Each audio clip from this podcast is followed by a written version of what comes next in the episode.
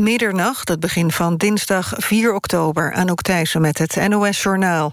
Verschillende partijen die bij de discussie over Zwarte Piet zijn betrokken... roepen op tot kalmte en een beschaafde en respectvolle dialoog.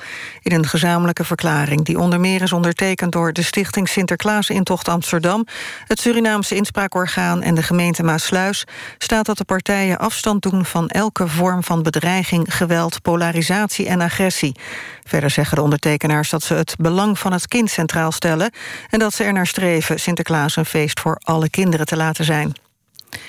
Het eerstejaarslid van de Groningse studentenvereniging Vindicat... dat met hoofdletsel in het ziekenhuis ligt... is bewust mishandeld, meldt RTV Noord. Bronnen rond Vindicat zeggen tegen de regionale omroep... dat tijdens de ontgroening een ouderejaars... na een ruzie op het hoofd van het nieuwe lid is gaan staan. De man zou zijn lidmaatschap hebben opgezegd. Voor het slachtoffer zou dat de reden zijn om geen aangifte te doen. De voorzitter van Vindicat wil nog niet reageren op de zaak. De Italiaanse kustwacht heeft afgelopen dag zeker 6000 migranten van zee gehaald. Ze zaten op 40 boten voor de kust van Libië. Negen migranten zijn omgekomen. Een zwangere vrouw en een kind zijn naar het ziekenhuis gebracht. De Italianen moesten zeker 20 keer heen en weer om alle vluchtelingen aan land te brengen. In het Caribisch gebied kampen landen met zware regenbuien... en harde wind door de orkaan Matthew. Matthew beweegt zich tussen Jamaica, Cuba en Haiti... richting de Bahama's, met windsnelheden tot 220 km per uur. Volgens het Amerikaanse National Hurricane Center... is het een gevaarlijke orkaan... en moeten mensen op plaatsen waar modderstromen en overstromingen kunnen ontstaan... op tijd weggaan. Na de Bahama's trekt Matthew mogelijk door naar de Amerikaanse staat North Carolina. Het weer blijft de komende uren bijna overal droog. Lokaal kan wel nevel of mist ontstaan. Het koelt af tot een graad of 10. Overdag flink wat zon, maar vooral in het zuiden is het eerst nog bewolkt. Het blijft droog bij een graad of 17. Dit was het NOS Journaal. NPO Radio 1. VPRO. Nooit meer slapen.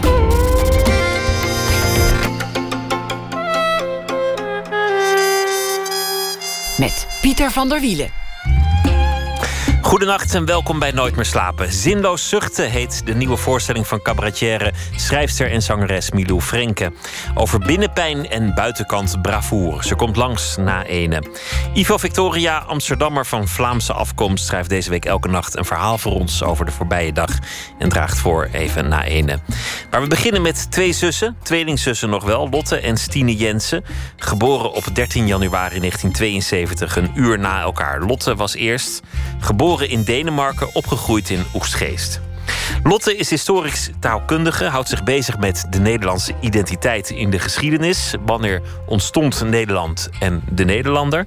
Zelf heeft ze nog altijd de Deense nationaliteit. Stine is filosoof en houdt zich bezig met andere identiteitsvragen. Gender bijvoorbeeld, maar ook levensvragen. En dat doet ze onder meer als docent aan de Vrije Universiteit, maar ook op radio, televisie, in boeken en artikelen.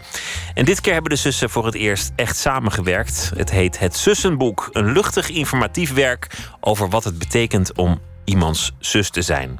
Voor iedereen met een zus, voor mensen die zussen kennen en mensen die een zus zouden willen hebben. Al dus de achterkaft. Lotte Jensen, Stine Jensen, hartelijk welkom. Dankjewel. Ik ben gewaarschuwd dat jullie stemmen ontzettend op elkaar lijken en dat het moeilijk zal worden om jullie uit elkaar te houden. Los van dat het over andere inhoud gaat. Lotte Jensen, voor jou, voor jou is dit denk ik het meest een uitwedstrijd, dit boek.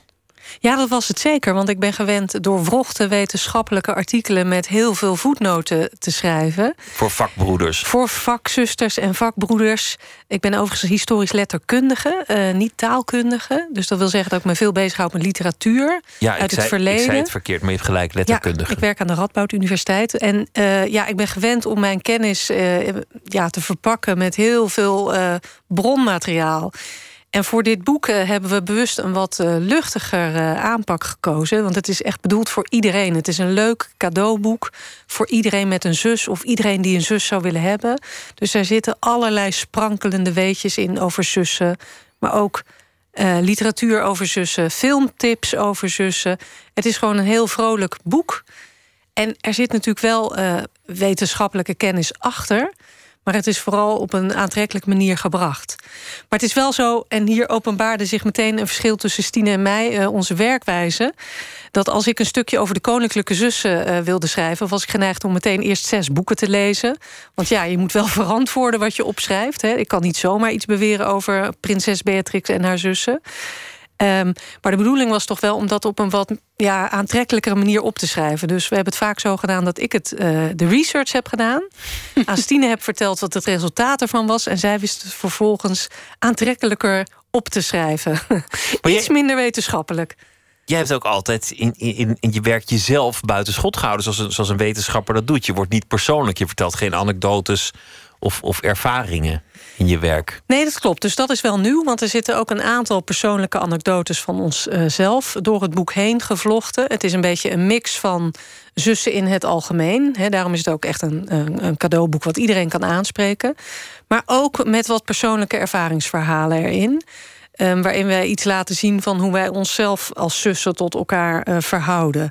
En dat is inderdaad helemaal uh, nieuw voor mij. En dat heb ik ook met enige schroom uh, ja, moeten ervaren hoe dat is om iets van jezelf bloot te geven in een tekst voor een breder publiek. Stine, heb je, heb je geaarzeld? Moet ik dat wel doen samen met mijn zus een boek schrijven? Um, nou ja, we, we kregen het verzoek. En toen dacht ik eigenlijk, het verzoek kwam bij mij terecht. En toen dacht ik, uh, dat, dat gaat zij niet doen. Dat wil zij niet. Want ik had het. Uh, er, is een eerder boek, een vader-dochterboek.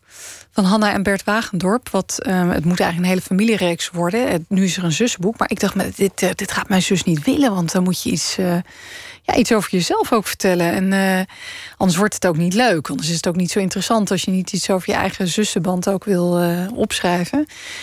Maar toen, uh, toen vroeg het aan mijn zus. Zei ze, nou, nee, ik denk het niet. Nee, maar toen, toen zag ze boek. En toen uh, het, het vader-dochterboek wat er al lag. En toen zagen we hoe, hoe leuk het eigenlijk was. Hoeveel uh, lijstjes erin staan. En we, we zeiden tegen de uitgever... nou, we gaan erover nadenken. En toen zaten we in de trein en toen begonnen we al een soort competitie. Wie kent de meeste zussen in de sport? Wie kent de meeste zussen? En dus we waren eigenlijk al de boeken... we waren er al mee bezig. En toen, uh, toen dachten we, oké, we gaan dit doen.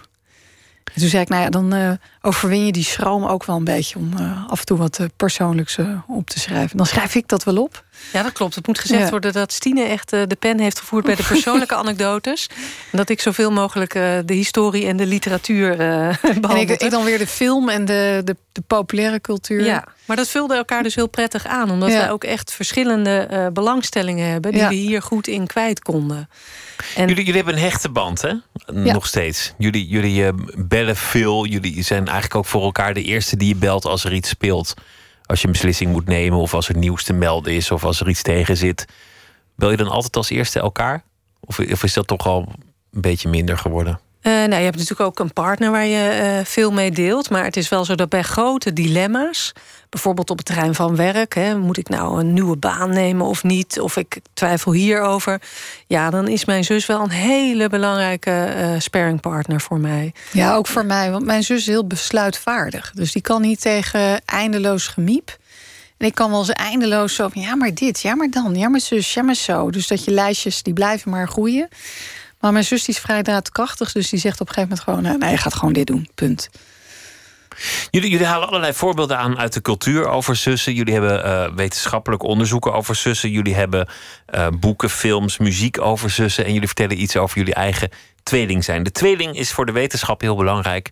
Want de eindeloze vraag: is het ja. nou de natuur of, of is het nou de opvoeding? Nou hebben jullie zowel de natuur als de opvoeding gedeeld. Maar, maar dat laat zich vaak beantwoorden aan de hand van tweelingen. Ja, wat leuk is, we hebben zelf ook ooit meegedaan aan een wetenschappelijk onderzoek over tweelingen. Uh, toen waren wij, ik denk, twintig of zoiets. Het heette van wij-identiteit naar ik-identiteit, heette dat onderzoek. En dat ging niet zozeer over nature of nurture, wat natuurlijk echt heel interessant is als je tweeling bent. Je hebt datzelfde genenpakket en je groeit in dezelfde omgeving op. Uh, hoe, hoe zien verschillen eruit? Maar dit onderzoek ging erover dat je heel erg lang praat in, in wij. Je, je wordt met jullie aangesproken, want je wordt als een soort eenheid uh, gezien. En je antwoordt ook met wij. wij. Wij gaan nu even boodschappen doen. Uh, kunnen jullie dit en dat doen? Dus, en, de, en, en de vraag van dat onderzoek was: wanneer ont, ontwikkel je een ik? Wanneer, wanneer word je een individu? Want je wordt niet als individu zozeer Precies. geboren. Ja. Want, want jullie ouders riepen ook altijd als er gegeten moest worden of, of naar binnen gekomen na het buitenspelen, Lotte Stine. Ja, gewoon als, als één, alsof we één naam eh, hadden. Ja, Lotte Stine eten, ja. En altijd Lotte eerst ook, hè. Dus dat was natuurlijk... eh, Want die was het eerst Ja, geboren. die was eerst Ja. geboren. Maar het was natuurlijk toch wel een dingetje... dat ik dan nummer, eh, nummer twee altijd was, ja. Ja, en dan, bij tweelingen komt er dan zo'n moment dat je eh, een soort breuk ziet. Dat ieder eh, zijn of haar eigen weg gaat. En bij veel tweelingen ligt dat vrij laat. Dus na de middelbare schooltijd. Bij sommige tweelingen komt dat ook nooit. Je hebt nog altijd tweelingen die bij elkaar aan wonen. hebben. Hetzelfde aan hebben, bij elkaar Ja. in huis wonen. En bij ons lag dat moment eigenlijk vrij vroeg. Eh, want al op de lagere school kwam er een moment dat eh, Stine haar eigen kamer wilde. Ehm, dat ging gepaard met, met, met, met grenzen trekken, barricades voor Ja. de deur, verboden toegang voor Lotte, Ehm, op straffen van hoge boete. Echt jezelf Ehm, afzetten tegen je zus om, om jezelf los te kunnen maken. Ja, een eigen ruimte vooral. en Een kamer voor mezelf Ja, eigenlijk. dus eigenlijk letterlijk inderdaad je eigen ruimte. En Ja. eh, het heeft zich versterkt doordat wij naar verschillende middelbare scholen zijn gegaan.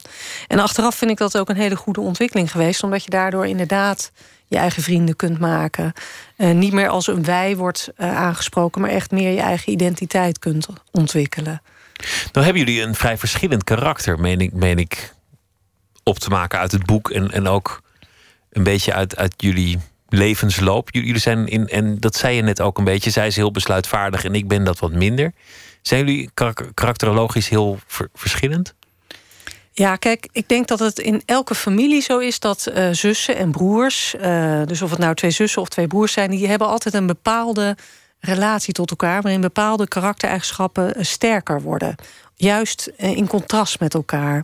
Je ontwikkelt door de ander anders. Ja, precies. En ehm, Een soort rolverdeling ook. Hè? ja, Dus- rolverdeling. Dus je ziet Ja. ook met, in families met meerdere zussen... dat je altijd een oudste, een middelste, een jongste hebt... en dat daar bepaalde rolpatronen bij horen.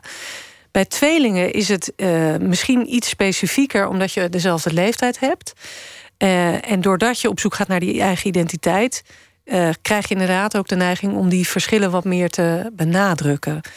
Maar het is wel zo dat naarmate we ouder zijn geworden... vind ik die verschillen minder groot geworden. Dan krijg je ieder je eigen leven... En die verschillen zijn er nog wel, maar je zit niet meer eh, bovenop elkaars lip. Je bent ook niet meer vergelijkingsmateriaal. Dus je, eh, die behoefte om dat contrast uit te vergroten is ook echt veel minder sterk. Je ziet het dan meer als aanvulling van eh, elkaar. Stine, wa- was er ook concurrentie vroeger tussen jullie? Wilden jullie elkaar ook overtroeven? Ja, er was wel zeker concurrentie. ja. Waar, waarin? Ja. Nou, ehm, in- ja, de, eh, onze rapporten bijvoorbeeld. En die, die waren echt, echt gewoon exact hetzelfde. En dan hadden we soms één puntje verschil op, op schrijven of zo. En ik weet ook wel, on- onze oma was zo, altijd zo opgelucht dat, dat, dat ze zo gelijkmatig waren. Dat het hetzelfde was. Dat ze niet tegen één hoefde te zeggen: Oh, dat heb jij veel beter gedaan. Maar dat het hetzelfde was. Ja. Maar wij hadden daar wel een beetje competitie. eh, ja, en ook met schaken bijvoorbeeld. We zaten allebei op schaken. En dan, nou, dan gingen we echt tot het uiterste om van elkaar eh, te winnen. Dus Ja. er was wel echt een sprake van een zekere competitiedrift. En je kunt natuurlijk ontzettend veel oefenen samen. Dat is zo leuk. Hè? Dus ik denk dat het ook wel een reden is dat je ziet best wel dat tweelingen u- samen uitblinken in een tak van sport of muziek. Of, of, of bijvoorbeeld eh, nou ja, eh, eh, Sanne en Lieke Wever, de, de turnzusjes. Of ehm, nou, wie, wie hadden we nog meer? Oh ja, je hebt natuurlijk filmende zussen hebben in ons boek, die, die samen films maken. En, en dat ze, doordat ze samen ook heel veel kunnen werken en oefenen, dat ze elkaar ook voortdurend beter maken. Onlangs had ik hier Tangerine te gast. De, de, de, broertjes, ook een tweeling, die, die samen musiceren. En die vertelde dat de sfeer op tournee en in de studio grimmig was. Omdat ze elkaar zwaar vielen op ieder detail. Juist omdat ze elkaar zo goed kenden. Omdat ze zo Ja. op, op zichzelf lijken elk. En ook omdat ze, dat ze van die ander juist willen dat hij het beter doet dan, dan zijzelf. Herkennen jullie dat? Dat, ju- dat jullie heel fel op elkaar kunnen zijn, heel kritisch? Nou, dat valt mee, geloof ik. Ja, ik geloof dat het eerder Ja. een ondersteunende rol maar is. is, we hebben wel in het boek eh, wel. Ik heb ook interviews gedaan met zussenparen, wat ontzettend leuk was om te doen, omdat ik de zussen afzonderlijk sprak over elkaar. En dan waren ze echt razend nieuwsgierig. Wat heeft mijn zus over mij gezegd? Maar wat je daar wel zag, is dat, dat zussen wel echt ontzettend ruzie kunnen maken over de meest futiele dingen. Dus dat ze, dat ze wat dat betreft zich wel helemaal laten gaan, omdat het een zus is. Het is niet zo dat, dat het een vriendin zegt die zegt: Ja, doe je, ik hoef jou niet meer te zien. Maar een zus, die, ja, daar kun je wel uh, ja, tomeloos tegen tekeer gaan. Dat, dat is wel uh, ja, je kunt een zussending. Ja. ja. Je kunt wel wat kritischer op elkaar zijn dan dat je dat bij eh, vrienden zou zijn. Je bent ook gewoon echt heel eerlijk tegen elkaar. Je spaart elkaar niet je en je houdt je ook niet in. Absoluut niet. Maar dat doe je vanuit de wetenschap dat het ook wel weer goed komt. Anders zou je dat niet op die manier doen. Dus uh, wij kunnen ook, uh, als Stine mij een tekst voorlegt... en wat vind je ervan? Nou, dan ga ik niet eerst een introductie houden... van dit was wel aardig en dat, aardig, dat ook... maar dit moet je schrappen, dan is het hop meteen eh, het kritische woord erover. En dat is vice versa het geval. Of, of commentaren over het uiterlijk. Of hoe je je ergens hebt gedragen, bijvoorbeeld. Ja, daar kun je vrij genadeloos zijn in je kritiek. Maar dat is niet per se vilijn bedoeld, helemaal niet. Dat is meer uit, uit eerlijkheid. En het onderstreept eigenlijk juist de band die daaronder ligt. Ja, de vanzelfsprekendheid. De vanzelfsprekendheid dat je er voor elkaar bent. En dat je dus ook elkaars meest kritische geest uh, kunt zijn. Naast het schaken waren er ook altijd de gitaren. Jullie hadden altijd een, een, een, een, gitaar bij je. En, en als er ook maar ergens een gelegenheid was, dan, dan speelden jullie. Vrij virtuoos uh, akoestisch gitaar. Wie begon ermee? Hoe, hoe kwam de gitaar in, in huis? Een goede vraag. Wij werden denk ik gestimuleerd om iets met muziek ook te doen. Want dat hoorde ehm, bij jullie opvoeding? Dat hoorde bij de opvoeding. Um, en toen... ik denk ook een, een, droom van onze vader... die wij dan, uh, die toch zelf wel heel graag een uh, beroemde jazzmuzikant had willen worden. Dat hij toch wel zo vroeg mogelijk zei... en hier hebben jullie een gitaar. Zet ja, dus dat werd ook wel gestimuleerd inderdaad. En we hebben veel samen geoefend op de gitaar. Daar zat ook wel een beetje competitie bij. Wie, wie kan het het beste voor de leraar spelen? Um, maar dat, uh, ja, dat gitaarspelen is altijd een leuke vorm van ontspanning voor ons geweest. Dat hebben we veel samen gedaan, ook in ensembles. Uh, en uh, afgezien, we hebben onze grootste ruzie ging overigens ook over een gitaar. maar we hebben er ook veel plezier aan beleefd. Op een zeker moment wilden wij allebei dezelfde gitaar hebben. Dat weet ik nog heel goed. Toen zouden we een nieuwe gitaar krijgen. En uh, ja, wij hadden op de een manier allebei bedacht dat we een en dezelfde gitaar wilden hebben. En daar hebben wij ongelooflijke ruzie over gemaakt. Het is allemaal weer goed gekomen. Um, maar dat illustreert ook een beetje die, waar zussen ruzie over kunnen maken. Toen waren wij een jaar of twaalf, denk ik. En dat liep hoog op, de gitaarkwestie. Maar over het algemeen is uh, uh, ja, dat muziek maken samen hebben we altijd leuk gevonden. De identiteit, je moest een individu worden, maar die speelde ook nog op een andere manier, want jullie zijn Deens. Geboren in Denemarken, opgegroeid in Oostgeest. Je, jullie vader was wetenschapper, werkte bij de, bij de Aztec. Moeder was arts, was veel van huis. Een, een gezin waar, waar het verstandelijke hoog in aanzien stond, maar ook wel echt een Deens gezin. Stine, je hebt er wel eens over geschreven en verteld. Over het, het Deense. Over dat Deense. Je hebt ook een serie gemaakt over Scandinavië. klopt, waarin, waarin je benadrukte hoe Nederlanders en Denen anders omgaan met, met problemen. Waar, waar in Nederland mensen er trots op zijn dat ze recht voor de raap zijn, zijn de Denen wat, wat gesloten. Hoe, hoe zou je dat omschrijven? Ja, de, de, de serie heet Licht op het Noorden. Is ook een, een boek van, Licht op het Noorden. En uh, in, in Denemarken heb je iets wat heel mooi heet de wet van Jante. En de wet van Jante is eigenlijk iets wat, wat bijna alle Denen... ze leren dat niet woordelijk, maar wat je incorporeert. En het komt er eigenlijk op neer dat je... Uh, het, het gestimuleerd wordt om niet boven het maaiveld uit te steken. Dat is ook wel weer heel Nederlands. Maar dat je ook je, je bescheiden opstelt. Dat je niet ergens een uh, probleem van maakt. Dus dat, uh, dat uh, veelal stilzwijgend gekozen wordt om iets te ondergaan in plaats van het conflict aan te gaan. Dus conflictvermijdend is het ook. En niet heel erg over je gevoelens praten, die, die hou je een beetje bij je. Ja, en dan zie je, je ziet het in alle Deense films en series, zie je dat dan is er een of ander familiediner, wordt veel gedronken en dan dan klapt de hele situatie uit elkaar. Want dan komen die gevoelens, die zijn er natuurlijk. Zoals in de film Vesten. Precies, de, ja. de, hele bekende Deense film... waarin de zoon des huizes bij het familiediner... ineens de vader beschuldigt van, van seksueel en misbruik. En dan met die twee enveloppen, welke speech wil je? De, de, de, de, de groene envelop of de gele envelop? De waarheid of de zoete leugen?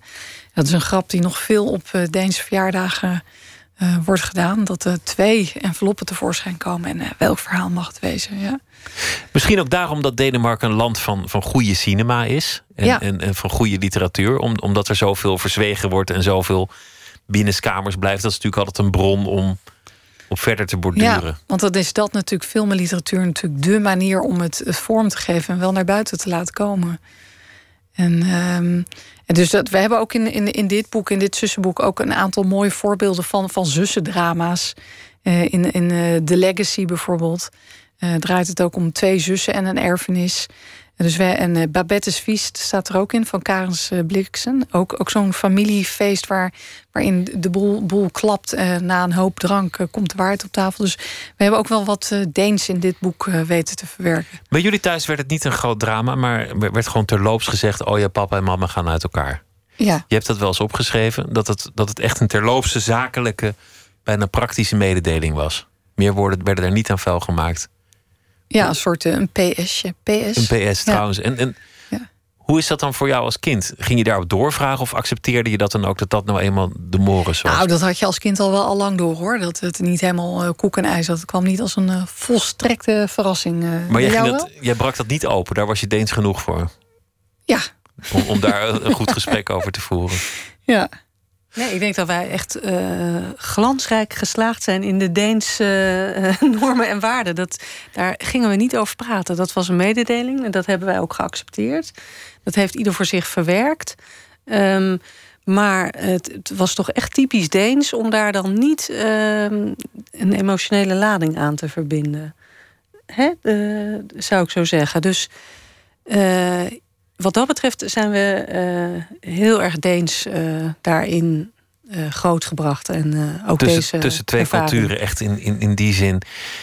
Dat jullie allebei ver zijn gekomen in, in jullie vak. De een als filosoof en de ander als letterkundige. En, en nou ja, ook wel een soort van historicus, dat mag ik ook wel zeggen. Heeft dat er ook te maken met dat het thuis belangrijk was? Dat, dat, dat de aandacht werd verdiend met, met het leren. Dat, dat de punten werden verdiend met het intellectuele? Ja, dat vind ik een hele leuke vraag. Want wat ik zo ontzettend waardeer aan mijn ouders is dat ze altijd hebben gezegd: je moet dat gaan doen wat je het allerleukste vindt en, en daar mag je goed in worden.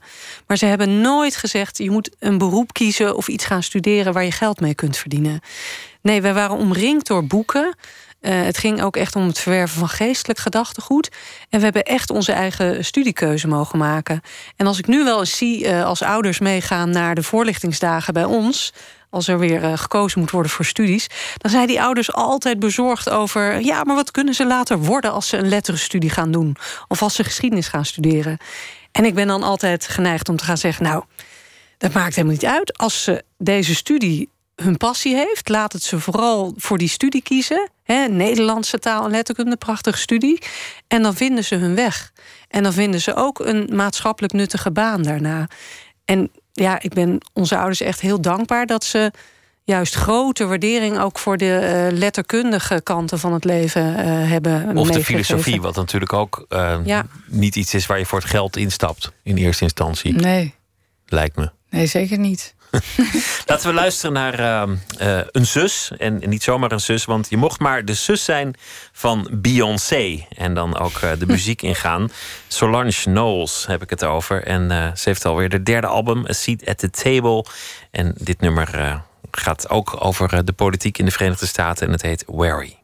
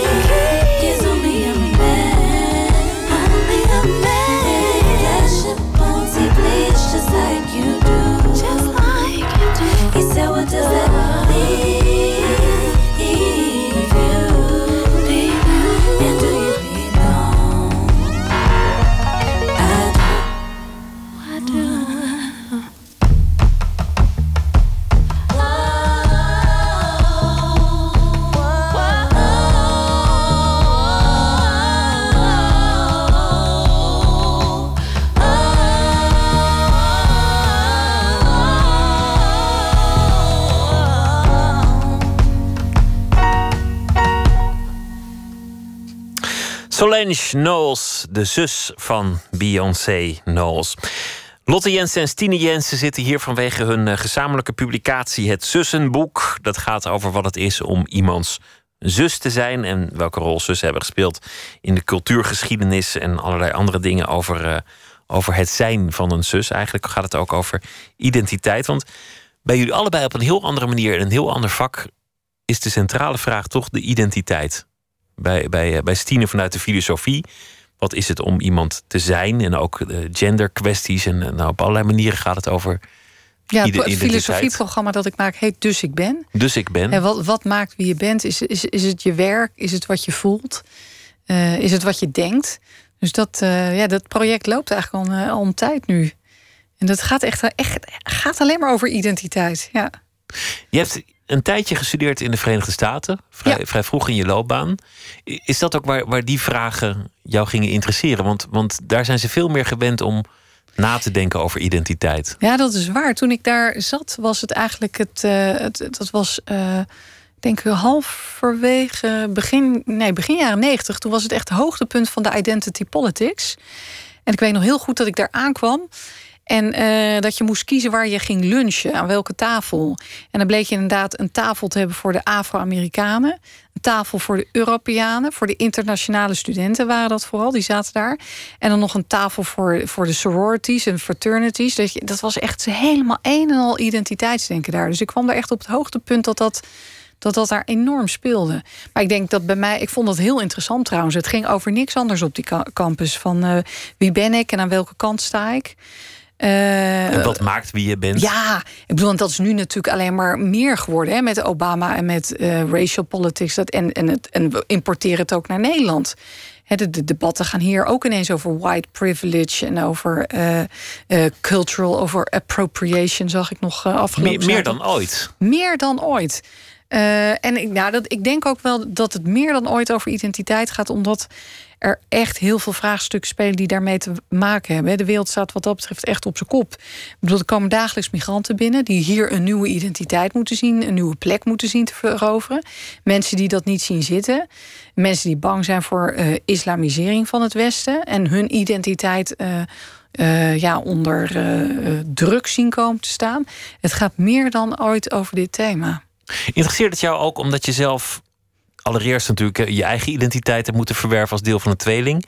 Maar ook met je identiteit eh, meer dan anderen hebt moeten worstelen. omdat je als Deense in Nederland opgroeide. Ik bedoel, het is niet heel ver, Denemarken en Nederland, maar toch een wezenlijk andere cultuur. Nou, ik denk um, meer dat tweeling zijn heeft wel een rol gespeeld. Want als je zo ontzettend op elkaar lijkt als wij deden. Ja, dan, en, en je wordt steeds met jullie aangesproken. Dan, bij mij was het echt zo dat ik echt dacht van ja, en, en wie ben ik dan?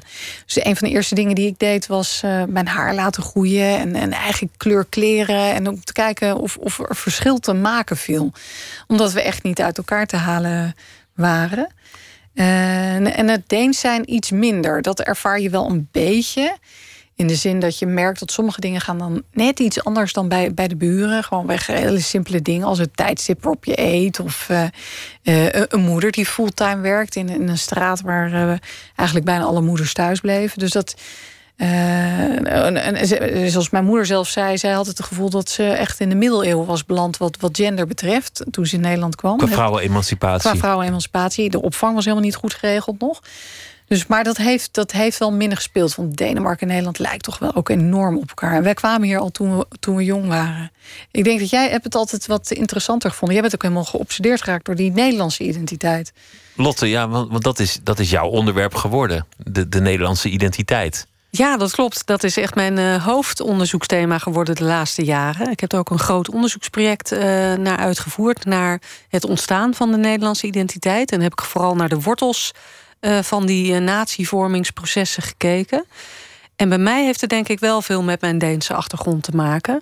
Dat ik uh, altijd gefascineerd ben geweest door wanneer voel ik me nou Nederlander, wanneer Deen.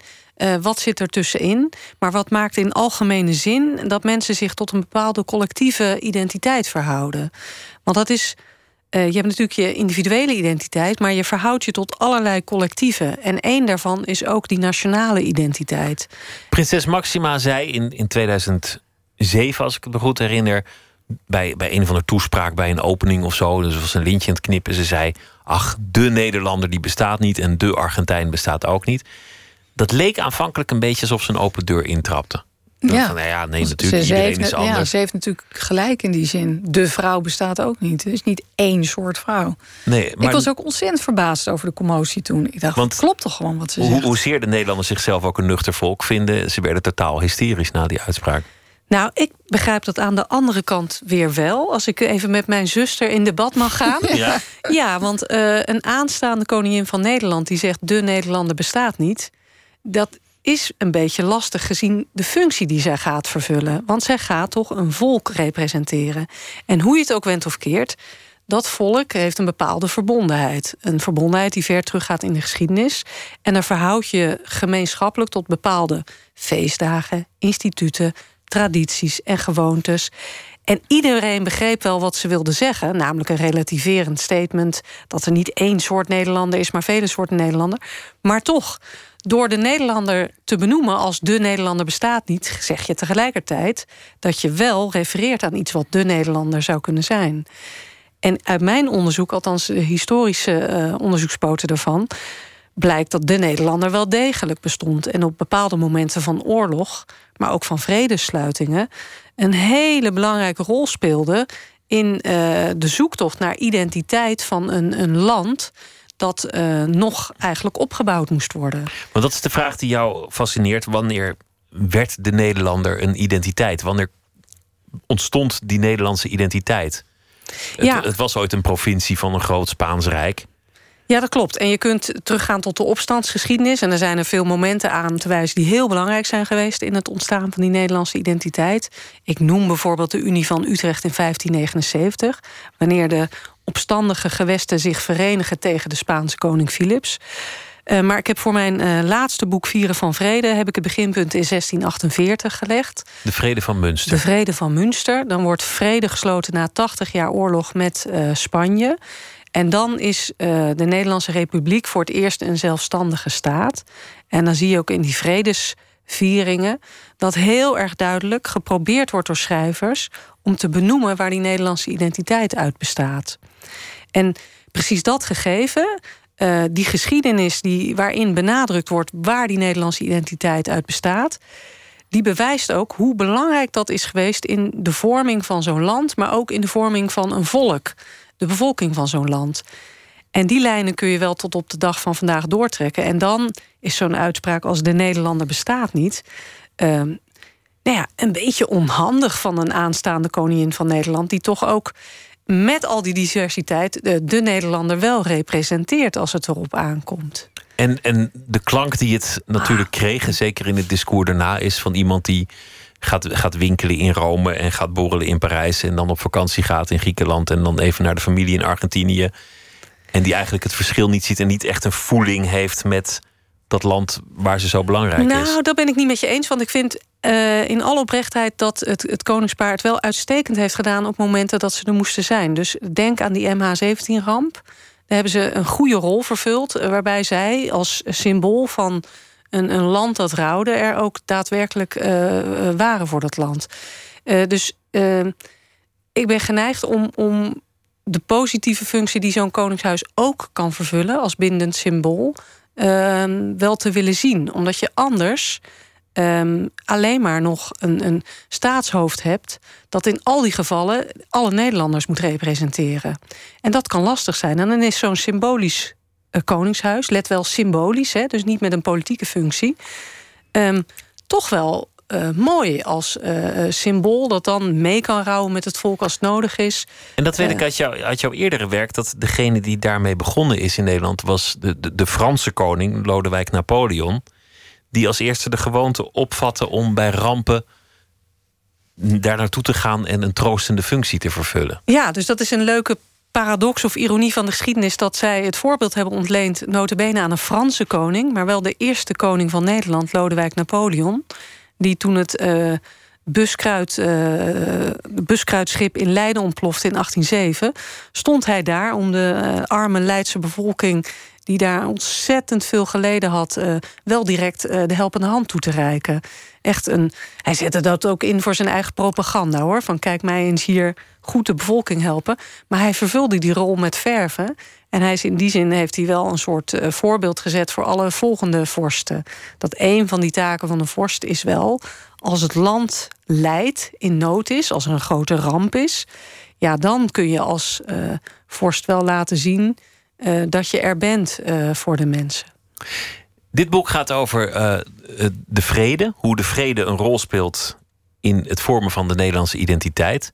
En dat in elke vrede, bijvoorbeeld in 1648, maar ook in 1815, alweer het volgende conflict klaar ligt.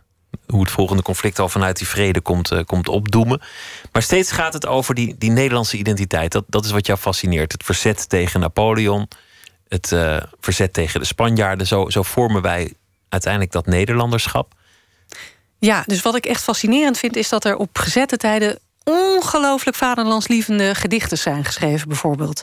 Die nu kunnen ze echt niet meer. Maar um, prachtige poëzie ook zit daartussen, overigens. Van Vondel, uh, van Tollens, van Helmers. En die uh, poëten die drukken op momenten van crisis. Bijvoorbeeld tijdens oorlog, maar ook bij vredesluitingen. Als de crisis net be beslecht is. Uh, uit wat hun liefde voor het vaderland is. En ik vind het fascinerend om te zien hoe die herhaling van symbolen en metaforen toch een soort bindende rol heeft in uh, wat dat Nederlanderschap dan inhoudt. En daar horen ook allerlei Nederlandse deugden bij die ze bezingen. Zoals uh, zuinigheid, bescheidenheid, hard werken. Uh, allerlei stereotypen die we vandaag de dag toch nog wel herkennen in dat Nederlanderschap. Hoewel dat natuurlijk ook enorm veel veranderd is nu. Maar ik vind het zo aardig om die lange lijnen van culturele continuïteit in ogenschouw te nemen en te zien waar bepaalde stereotypen die zo hardnekkig zijn als het gaat over het Nederlanderschap vandaan komen. En jouw bron is steeds de literatuur. Dat zijn steeds geschriften. Je gaat niet naar het archief om, om daar volkspeilingen of, of rijksdocumenten na te slaan. Het gaat jou, jouw eerste bron is altijd ja. de tekst van, van een schrijver. Ja, en dan literatuur in een hele brede zin van het woord hoor. Want dat zijn ook pamfletten. Dat zijn bijvoorbeeld gelegenheidsgeschriften. Dus dat kunnen ook uh, dialogen zijn tussen burgers. Of een soort half krantachtige verslagen. Of liederen die gezongen werden. Um, of uh, satirische geschriften. Want natuurlijk wordt er ook veel gediscussieerd over wat het Nederlanderschap dan precies inhoudt. Dus dat is letterkunde in de breedste zin van het woord. Maar daarin zie je een soort rijkheid van metaforiek, van symbolen. Ook de verbeeldingskracht gaat daar aan het werk. Ook worden daar utopische voorstellingen van een ideaal Nederland ingeschapen. Een Nederland waarin vette koeien rondlopen, um, dappere uh, zeehelden. Uh, precies die, dat soort geschriften, daar kun je uitdestilleren waar die Nederlandse identiteit dan uit uh, bestond. Dus je begrijpt wel dat mijn zus ontzettend graag die Nederlandse identiteit wilde verwerven. ja, wij, wij hebben allebei een Deens paspoort. Hoe, hoe kan dat, Lotte? Want... En dat is, ook, dat is gewoon niet gelukt. En dat moet met die Nederlanders te maken hebben. Nou ja, dat was, is echt een hilarisch verhaal. Want ik heb geprobeerd een Nederlands paspoort te verwerven nadat ik net afgestudeerd was als Neerlandicus aan de Universiteit Utrecht. En toen ging ik naar het gemeentehuis en toen zei de desbetreffende ambtenaar: Nou, eh, mevrouw, dan uh, zult u eerst een taaltest moeten afleggen. Ik denk, nou ja, vroeg ik aan de ambtenaar. Met een doctoraal diploma Nederlandse taal en letterkunde zal ik toch die taaltest wel kunnen overslaan, wellicht. Nou, één moment, ik ga het even uitzoeken. En toen kwam de ambtenaar terug en die zei: Het spijt me, het doctoraal diploma Nederlands taal en letterkunde staat niet op onze lijst van erkende diploma's. U zult gewoon een taaltest moeten afleggen. En ik, ik dacht, nou, dit, dit moet een grap zijn. Maar daar was dus iets bureaucratisch wat niet dit diploma erkende. Of het stond gewoonweg niet op de lijst. Waarschijnlijk omdat het ja, niet in de gedachten kwam van de ambtenaar... dat iemand ook wel eens met eh, zo'n diploma de Nederlandse identiteit zou willen aanvragen. En toen heb ik ervan afgezien. Maar je had, je had het wel gehaald. Ik bedoel, je had dan eventjes om negen uur s ochtends naar een duf kantoor gemoeten. Maar je had, je had die taaltest zo glansrijk doorstaan. Dus er, er moet ook nog een soort nee, het eerlijke, gevoel achter ja, Het eerlijke antwoord is toch een emotioneel antwoord. Dat toen op een moment dat ik voor die keuze stond... ja, maar word ik dan definitief Nederlander? Dan moet ik mijn Deense paspoort inleveren dacht ik ook, nee, dat wil ik toch eigenlijk ook niet. Want mijn wortels liggen ook in Denemarken. En ik hou echt van beide landen evenveel. Dus dat echt afgeven van je paspoort, van je uh, geboorteland, dat was net even een stap te ver. Dus achteraf ben ik toch wel blij dat dat diploma niet erkend werd uh, door de, uh, de Nederlandse staat. Stine, jij hebt ook nog steeds een Deens paspoort, toch? Ja. Je hebt die serie gemaakt. Jouw, jouw Deens is goed. Je interviewde iedereen in het Deens. Het ging, ging vloeiend. Ja, een Deen zal soms gedacht hebben. Nou ja, kijk, ja, wat het was weet goed ik ervan van Deens, maar, maar, maar niemand, niemand begreep niet wat je zei in ieder geval. Ja. Ik herinner me één, één reportage, die, die, die zal ik ook nooit vergeten, want die vond ik zo hilarisch. Dat, dat mensen over de hele wereld Deens zaad willen, omdat ze een, een vikingkind willen.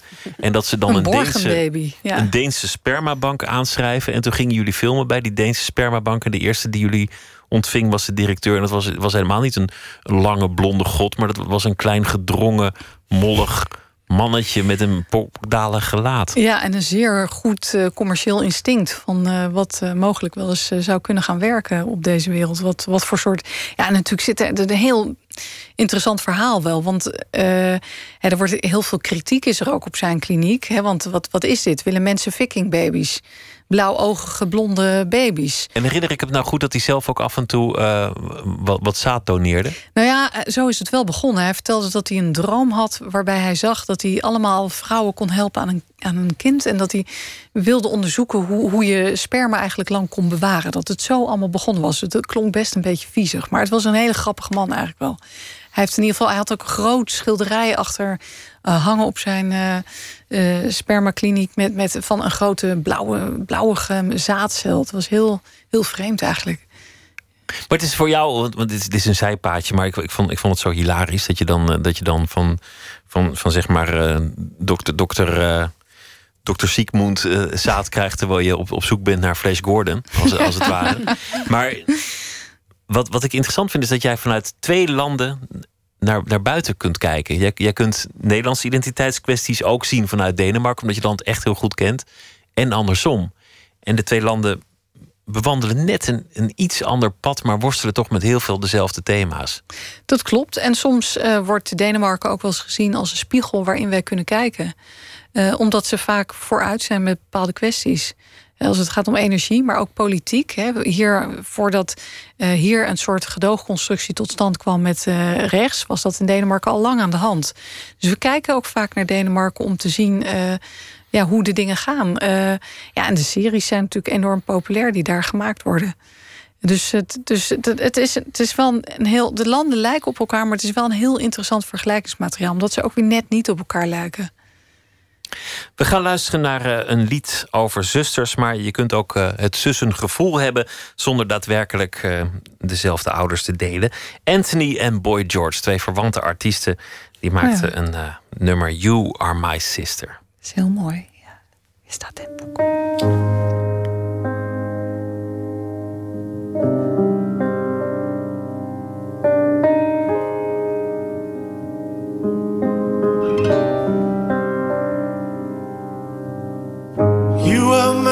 sister, we were born so innocent, so full of need. There were times we were friends, but times I was so cruel. Each night I'd ask for you to watch me as I sleep. I was so afraid of the night. Through the places that I feared. You lived inside my world so softly, protected only by the kindness of your nature. You are my sister, and I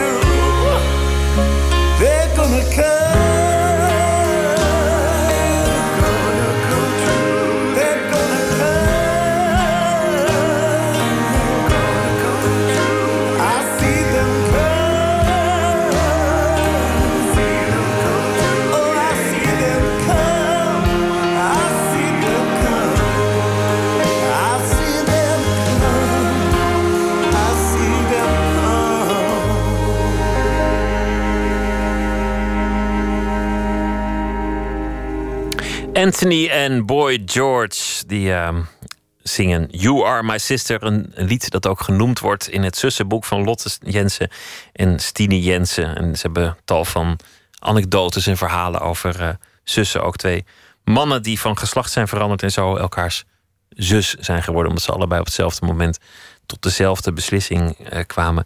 Stine, ik wil, ik wil ook even doorgaan op, op jouw eigen werk en oeuvre. Je, je hebt een, inmiddels een, een belangrijk oeuvre in het populariseren van de filosofie en het aan de man brengen. Je promotie ging gelukkigerwijs over eh, de liefde van vrouwen voor apen en, en hoe dat in de cultuur is verbeeld. En vrij kort daarop ontsnapte in een Rotterdamse zoo Bokito. Ja. En die ging op, op, een, eh, op een vrouwelijke bewonderaar zitten. En dat werd meteen ook jouw jouw doorbraak in de media. Ja, dat, dat was natuurlijk bizar. Want eh, dat, proefschrift, dat een vrij serieus boek. eh, maar met een wat ludieke titel. Waarom vrouwen van apen houden. En toen eh, gebeurde dat met Bokito. En toen gingen die journalisten gingen natuurlijk googelen op vrouw en aap. En daar rolde mijn proefschrift uit. Dus ik, ik, ik kreeg... Die dag kreeg ik echt ontzettend veel telefoontjes. van, van Nova, maar ook zelfs buitenlandse media. Die wilden wilde dat, dat een wetenschapper ging uitleggen wat daar gebeurd was. Ik ben natuurlijk zelf niet een, een primatoloog. Dus ik, ik, dat, dat, maar ik wi- wist wel het een en ander inmiddels over die beeldvorming tussen vrouwen en apen. En ook hoe snel dat toen gekanteld was. Want in eerste instantie was het nog zo dat Bokito was als een agressor. Was hij, had hij die vrouw aangevallen en eh, was hij uitgebroken. En eh, een soort King Kong werd hij neergezet. Maar toen kwam binnen twaalf uur werd bekend dat de vrouw, eh, Yvonne de Hoorde... dat zij elke dag deze aap bezo- bezocht. En toen was ineens dat verhaal kantelde helemaal in de media. Het dat zou, zou gaan om een vrouw die, die min of meer een stalkster van die aap was. Dus ehm, die, die kanteling en die beeldvorming van, van het een op het andere moment... dat was natuurlijk heel interessant, hoe dat kan. Dat zo'n verhaal eigenlijk ja, gewoon eh, 360 graden draait. En wie, wie is nou eigenlijk wie in dat verhaal? Ik herinner wie me ook dat, wie? dat, een, dat een primatoloog, volgens mij was het eh, Van Hoof, op televisie zei: als hij echt had willen aanvallen, was die vrouw al lang dood geweest. Dit was een aai. Als zo'n als zo'n aap een map geeft, dat, dat overleef ja, je ze niet. zeiden, de primatoloog zeiden ook... deze aap wilde haar in zijn harem. Want die, ze, ze, zij stond er elke dag en eh, ze, ze, eh, ze lachte, eh, grijnsde... wat voor een, een aap eigenlijk een bedreigend iets is. Dus hij wilde haar in, in, in zijn harem. Sta daar nou niet de hele dag te loeren, kom dan maar in mijn haren, Ja. was de gedachte. Ja. En Maar goed, ik vond het natuurlijk heel interessant... hoe die woorden opdoken als, als King Kong... En, en, en dat verhaal van wie belaagt nou eigenlijk wie hier... Dat, dat vond ik wel heel, heel fascinerend. Want dat zijn verhalen die al heel lang verteld worden. Hè, King Kong is een van die eh, verhalen over zo'n een grote aap die een vrouwtje kidnapt. En het is natuurlijk best wel raar dat wij zulke verhalen bedenken in onze cultuur. Waar gaat die eigenlijk over? Een reusachtige aap eh, die een vrouw, een blonde vrouw kidnapt. En daarmee eh, mee, een, mee de, de, de, de Twin Towers oprent. En, en ja, dat is wonderlijk. En dan komen de vliegtuigjes en die maaien die aap neer. En dat gaat eigenlijk over gender, over een soort superman, over, over de oerman. Nou, daar gaat het deels, eh, daar, daar gaat het over. Er wordt ook wel eens gezegd, het gaat eigenlijk over een verboden relatie tussen een zwarte man en een blanke vrouw. Eh, Eigenlijk staat King Kong voor een zwarte man en daarom moet hij dood, want die relatie. We hebben het over 1930, 1933 King Kong, eerste, eerste versie, de originele versie. Dat was precies dat tijd van de, van de raciale debatten. Eigenlijk gaat die film daarover. Maar er zijn Mensen eigenen zich die film toe. Iedere generatie maakt weer zijn eigen King Kong. Eh, dus de feministen hebben, hebben een, een eh, remake gemaakt en die heet dan Queen Kong. Waarbij een reusachtige vrouwtjesgorilla een, een eh, mannetje kidnapt. En de rollen worden omgedraaid. Dus zo, dat, dat is heel interessant om te zien hoe bepaalde culturele iconen door allerlei groepen worden toegeëigend en hoe het verhaal wordt omgebogen. Daar ging je proefschrift over toen. Dat, Ja. dat ging over identiteit, maar dan over de, de culturele verbeelding van vrouw en aap. En eigenlijk Ja. ook een beetje vrouw en, en, en man. Inmiddels ben je, ben je veel verder en in jouw leven veranderde ook van alles. En je raakte geïnteresseerd in yoga. Ja, En als een manier om te ontspannen aanvankelijk. Om, om gewoon, gewoon je hoofd leeg te maken. Wat voor een filosoof bijna geestig is. Je hoofd leegmaken als, als je filosoof bent. Maar misschien juist wel nodig. Inmiddels probeer je om die, die Oosterse denkwijze... en alles wat, wat ook wel eens als zweverig wordt bestempeld... met de filosofie te begrijpen en te doorgronden.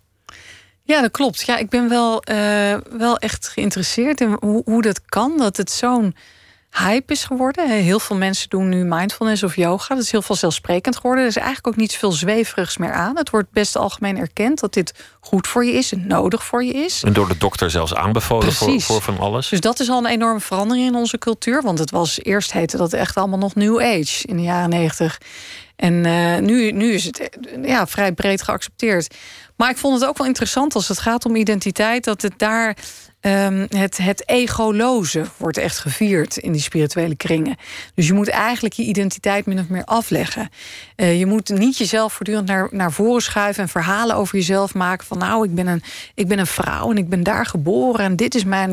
Dat moet je eigenlijk juist in al die, die meditatietechnieken probeer je eigenlijk in het hier en nu dat verhaal stop te zetten en eh, om tot rust te komen. Dat vond ik er ook heel interessant aan. Dus eerst eh, wat je denkt ben jezelf en, en proberen jezelf te ontdekken. En nu dat zelf loslaten.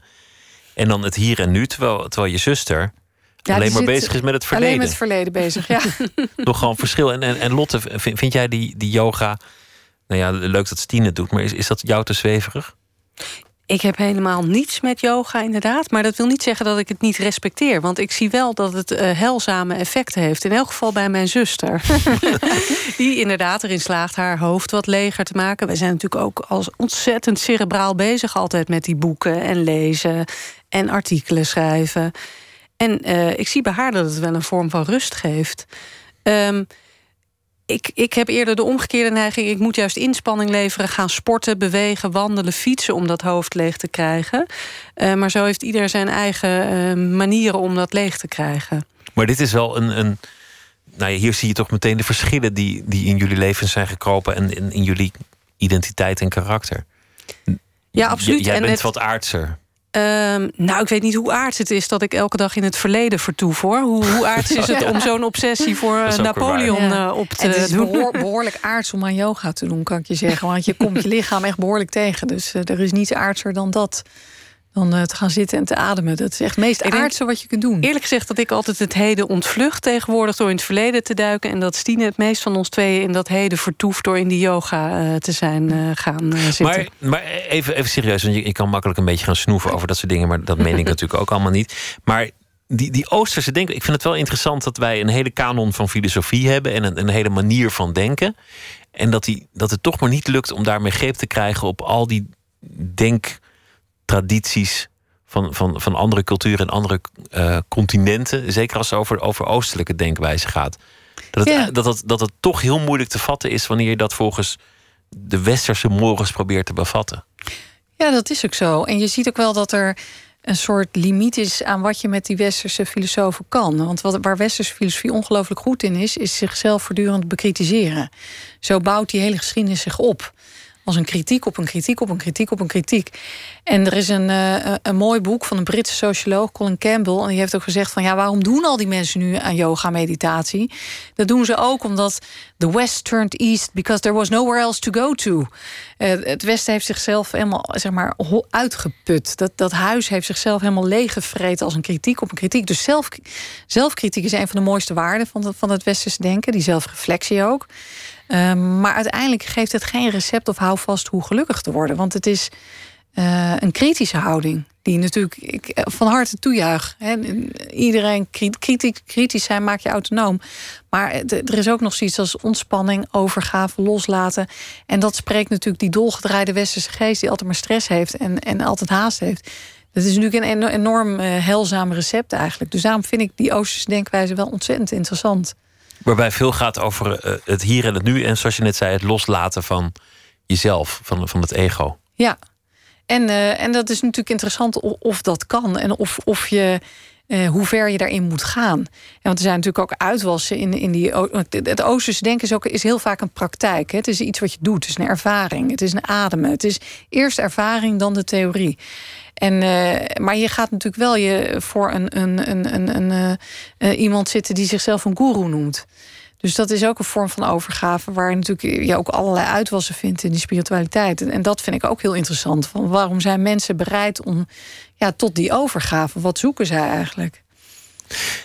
Ik vind het ook leuk dat jullie samen dit boek hebben geschreven als een, als een project. En, en nu, nu is het boek klaar en dan zijn jullie het samen aan, het, aan, aan de man aan het brengen. En ik ben zo benieuwd hoe jullie.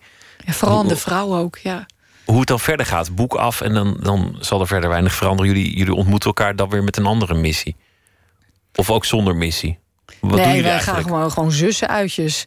Koffie drinken, wandelen naar Texel. uh, die, die, dat gaat gewoon maar door, die zussenuitjes. Dat... Maar het was wel extra leuk om wat intensiever op elkaar betrokken te zijn. Want in dat werken, met het werken aan het boek... Uh, hebben we uh, vaker dan gemiddeld elkaar gezien.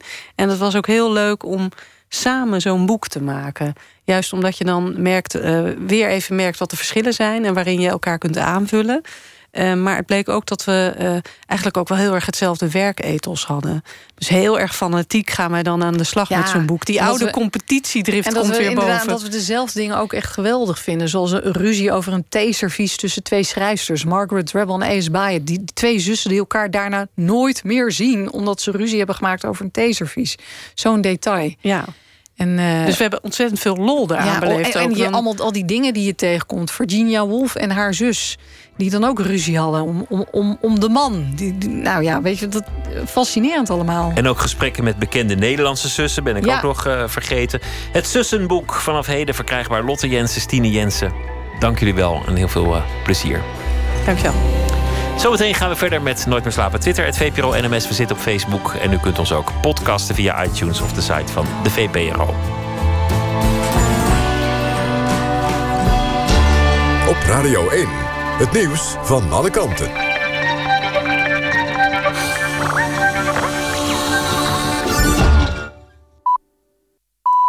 1 uur en ook Thijssen met het NOS-journaal.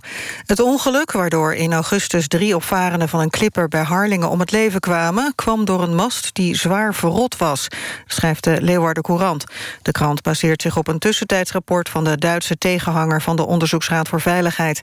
De Duitse onderzoekers waarschuwen eigenaren van charterschepen... om te controleren of bij hen ook houtrot is ingetreden. In Nederland onderzoekt de Onderzoeksraad voor Veiligheid het ongeluk... maar die ziet vooralsnog geen aanleiding om te waarschuwen.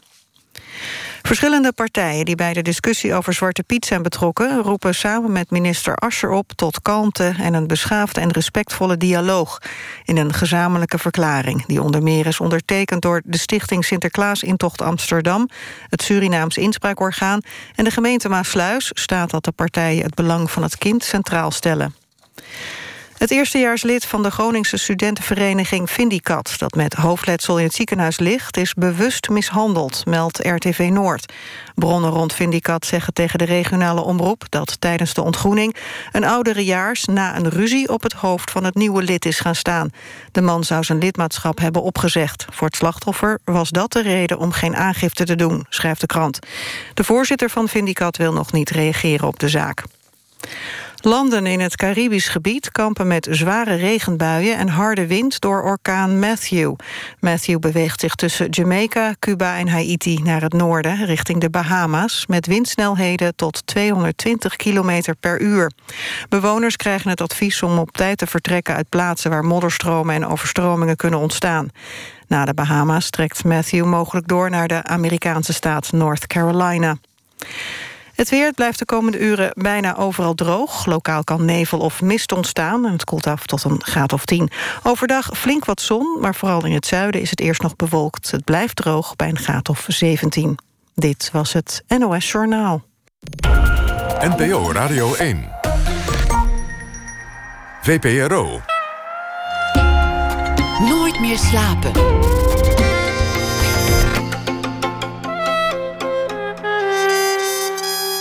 Met Pieter van der Wielen. Muzikant en schrijver Gerhard vond op een rommelmarkt een paar gesproken dagboeken van een man die terugblikte op zijn eenzame bestaan. Hij schreef er vervolgens zelf muziek bij en in de voorstelling What Lovers Do speelt Peter Faber, de man van de dagboeken. Zometeen meer over dit project. Milou Frenke komt langs, theatermaker, cabaretière. Haar nieuwe voorstelling heet Zinloos Zuchten. Het gaat over het verlangen naar zoete pijn en het omarmen van je mislukkingen.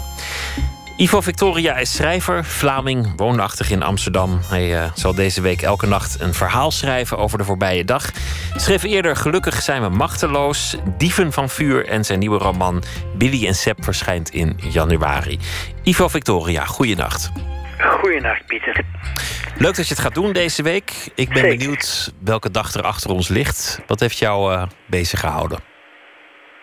Wel, uh, voor mij was deze dag um, toch vooral de dag na de dag uh, dat uh, fotograaf Jeroen Oerlemans uh, werd doodgeschoten in Libië door een sluipschutter van IS. En ik denk, ja, dat hield mij bezig vandaag. Ik, ik denk dat het ook te maken had um, met het feit dat het een prachtige herfstdag was.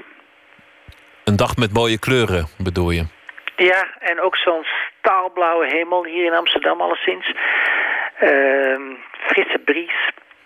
En uh, mensen zoals uh, Jeroen Oerlemans en andere mensen die zich daar uh, bevinden... of die zich bevinden in, eigenlijk in de frontlinie van wat er momenteel in de wereld aan de hand is... Uh, die confronteren mij ook altijd een beetje met wat ik dan zelf doe op zo'n dag. En in het algemeen eigenlijk. Ja, ik ben benieuwd naar, naar je verhaal. Vanochtend fietste ik gewoon naar school. Met mijn twee meisjes. De lucht van het helderste blauw. En het water kabbelend in de zon. Dromend van de zomer. En blote kinderbuikjes. Het is een simpel leven. Van het zuiverste gewoon. Wanneer ik mensen vertel dat ik auteur ben, leidt dat vaak tot een bepaalde vorm van ontzag en nieuwsgierigheid. Niemand realiseert zich dat schrijven een van de lafste manieren is om bijzonder te zijn. Ik heb een jongen gekend die buiten de piste skiede.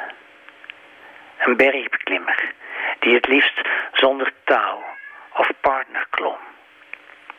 Wanneer ik hen vroeg waarom zij hun leven op het spel zetten en bereid waren alles te verliezen, vroegen ze aan mij: wat is het leven waard dan? Als er niks op het spel staat, als er niks te winnen valt. En toen ze stierven, was ik droevig, maar altijd met een scheutje ongemakkelijke jaloezie, in het besef dat zij oog in oog hadden gestaan met het leven, in alle grootsheid, terwijl ik ochtend na ochtend naar school fiets met mijn meisjes. Een frisse herfstbries, stil tintelend op onze wangen. Daarna, terug thuis, heb ik voor de rest van de dag niet veel anders te doen dan bang zijn. In mijn kleine kamer, aan mijn kleine bureau, in dit gewone kleine leven dat ik krampachtig groter probeer te maken met elke aanslag op mijn toetsenbord. In feite doe ik niet veel anders dan wachten op de dood. Het leven van een schrijver en ook van een eh, presentator lijkt maar laf en nietig vergeleken met het leven van mensen die echt gaan naar de, de plekken waar de geschiedenis zich afspeelt op dit moment. En dat bij de dood van fotograaf Oerlemans. Terwijl de kat van de buren iets wat uh, krols op de achtergrond probeerde je te, te overstemmen. Ik hoop dat hij je snel weer uh, nachtrust gunt, uh, Ivo. Ja, dat is mijn eigen kat. Oh, ook nog eens. Ja, die loopt hier rond. Nou ja, Het is niet anders. het is niet anders. Hij is, hij is een beetje krols, meen ik te horen. Maar ook dat gaat wel weer voorbij. Ivo, dankjewel. Goeienacht. Graag weer tot morgen. Tot morgen. De eerste twee platen van Bon Iver gingen gretig over de toonbank, werden bekroond met Grammys, maar het succes deed Bon Iver ook een beetje wankelen. Ging door een diep dal. Maar nu is, uh, nu is hij terug met 22 A Million, zijn meest avontuurlijke album tot dusver. En de titel van dit nummer is iets wat onheilspellend: 666.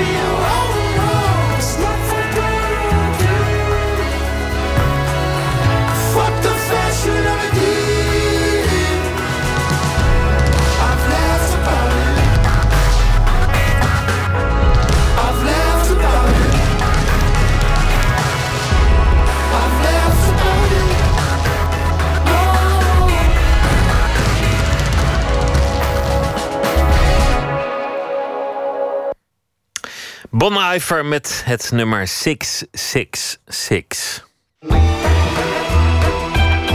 Nooit meer slapen. De muziek van de jaren 50 voelt voor muzikant en schrijver Gerhard als thuiskomen, terwijl hij zelf geboren is in 1979. Een nieuw album en een theatershow What Lovers Do, geheel in het teken van de jaren 50 sfeer. Rust, eenvoud, onwennige ontluiken de liefde. Hoofdrollen voor Peter Faber en Gerhard zelf. En de inspiratie voor het project kwam van een rommelmarkt. Een stel oude Revox-banden en een man achter een Agenebis microfoontje. Een verslag van Remy van der Brand. My sweet love, where did you go? Het begon op een rommelmarkt in Groningen. Op Koninginnedag heb je daar rommelmarkten.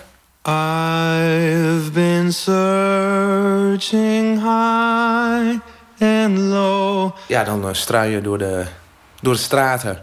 En ik koop af en toe oude troep. Oude geluidsbanden of uh, LP's die er raar uitzien. Of een oud microfoontje of een raar opnameapparaatje. Dat soort dingen. Dus die koop ik soms. Die zijn niet zo heel duur. Feels like a hole.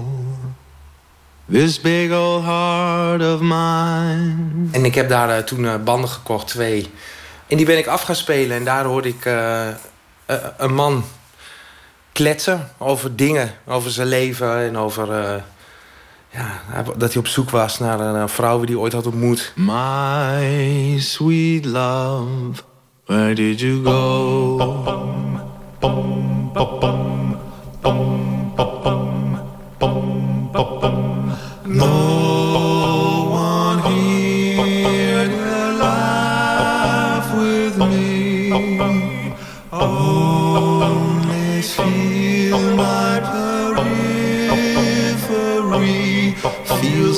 Hole. This big old heart of mine. My sweet love, where did you go?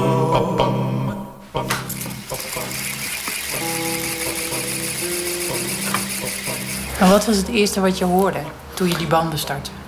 Gerommel. Gewoon uh, geschrijf van een pen. Dit. Dit soort. Gewoon. Uh... Het is een heel slecht microfoontje waarmee hij het op heeft genomen. Dus je hoort een soort ge gewrijf van de microfoon. En dan uh, begint hij te kletsen. Hij heeft een vrouw ontmoet. Waar hij een bijzondere nacht mee heeft gehad. En die was de volgende ochtend verdwenen. En daar is hij heel lang naar op zoek blijven gaan. Hij zegt tegen allemaal mensen, als je haar nou ziet, zeg nog steeds dat ik aan haar denk. En weet je wel, ze zag er zo uit. Uh, maar uiteindelijk vindt hij haar en dat valt enorm tegen. Maar hij is in die tussentijd wel getrouwd. En hij vraagt zich af van... wie is dan mijn vrouw? Als dat bijna de B-keuze was van die vrouw waar ik nou altijd naar op zoek ben blijven gaan.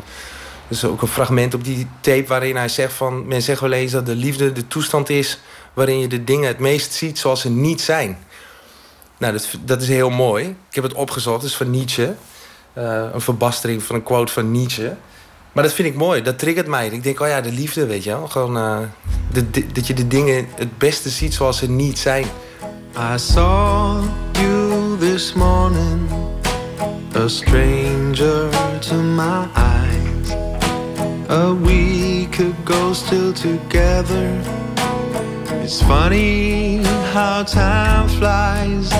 Forget that I hurt you, or what my dreams are made of. It's a different kind of love. Dus ik ben gaan fantaseren over. Die man is waarschijnlijk een lover geweest in de jaren 50. Ja, die moet gewoon in de 50s op zoek zijn geweest naar die vrouwen, weet je wel. Want hij kijkt terug. Hij kijkt terug, ja. Hij zegt toen ik jonger was en toen ik. eh, en dat is ook het leuke bijvoorbeeld in die show nu met Peter, dat hij mijn oudere zelf is. Zo begint het ook. We beginnen met een band op het podium. Ik ben zijn jongere zelf. Underneath the lantern, by the old arcade, watching all the girls go by in a colorful parade. En Peter komt dan op en die zegt: Kijk, dat was ik toen.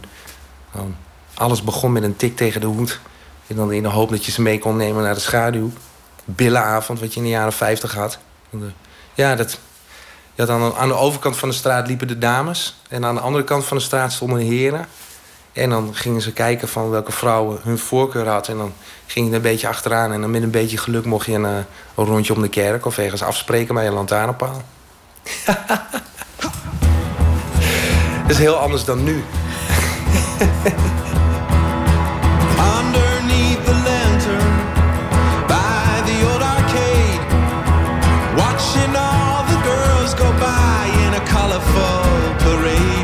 Mijn nieuwe album dan, What Lovers Do... is compleet gestoeld op die jaren 50 sfeer. Daar luister ik eigenlijk al mijn hele leven naar. En Een van de eerste LP's die ik echt zelf kocht... waren de greatest hits from the 40s en 50s. En Leonard Cohen, die twee. Dat vind ik gewoon... eh, dat zijn de eerste twee albums waar ik echt op aansloeg. Hoe oud was je toen? 15, denk ik. 15.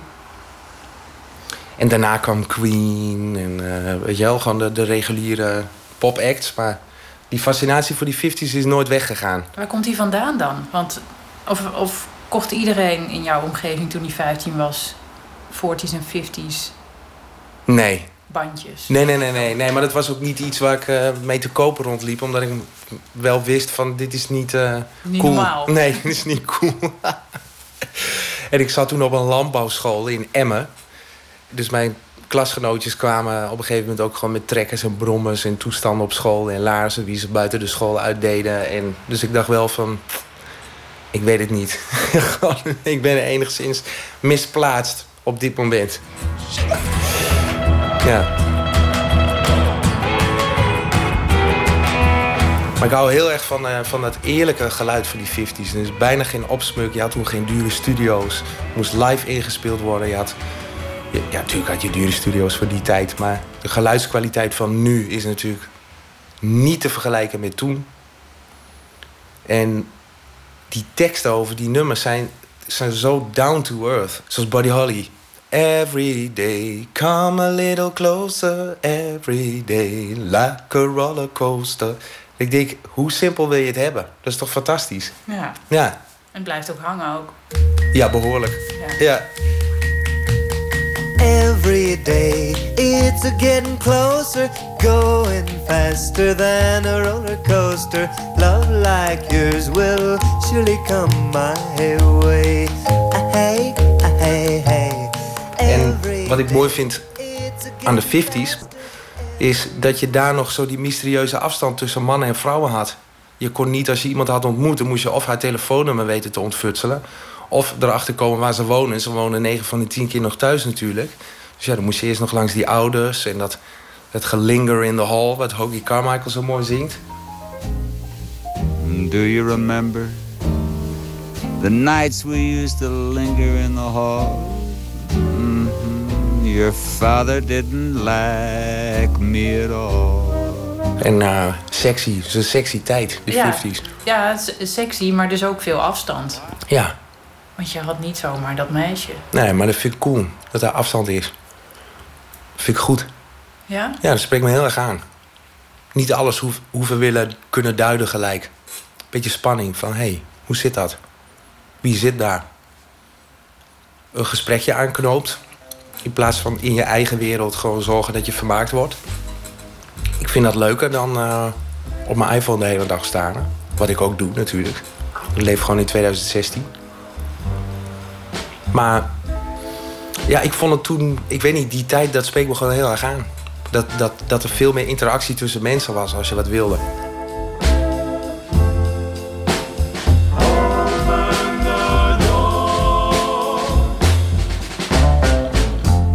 Only a woman can play it cool and then suddenly be cruel. She can do as she pleases and play by her own rules.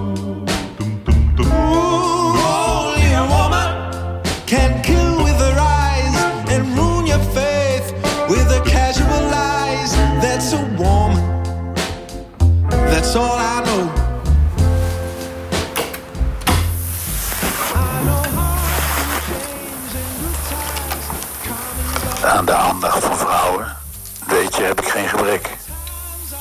Uiteindelijk koos ik voor de minst slechtste optie van één van hen. En daar ben ik eerlijk in.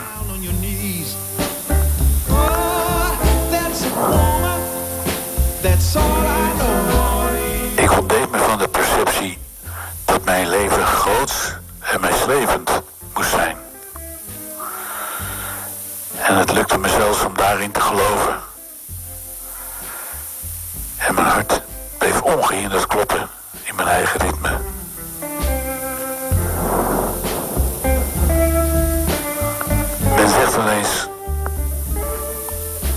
Dat een liefde de toestand is waarin de mens de dingen het meest ziet zoals ze niet zijn. Maar dat gold niet voor ons.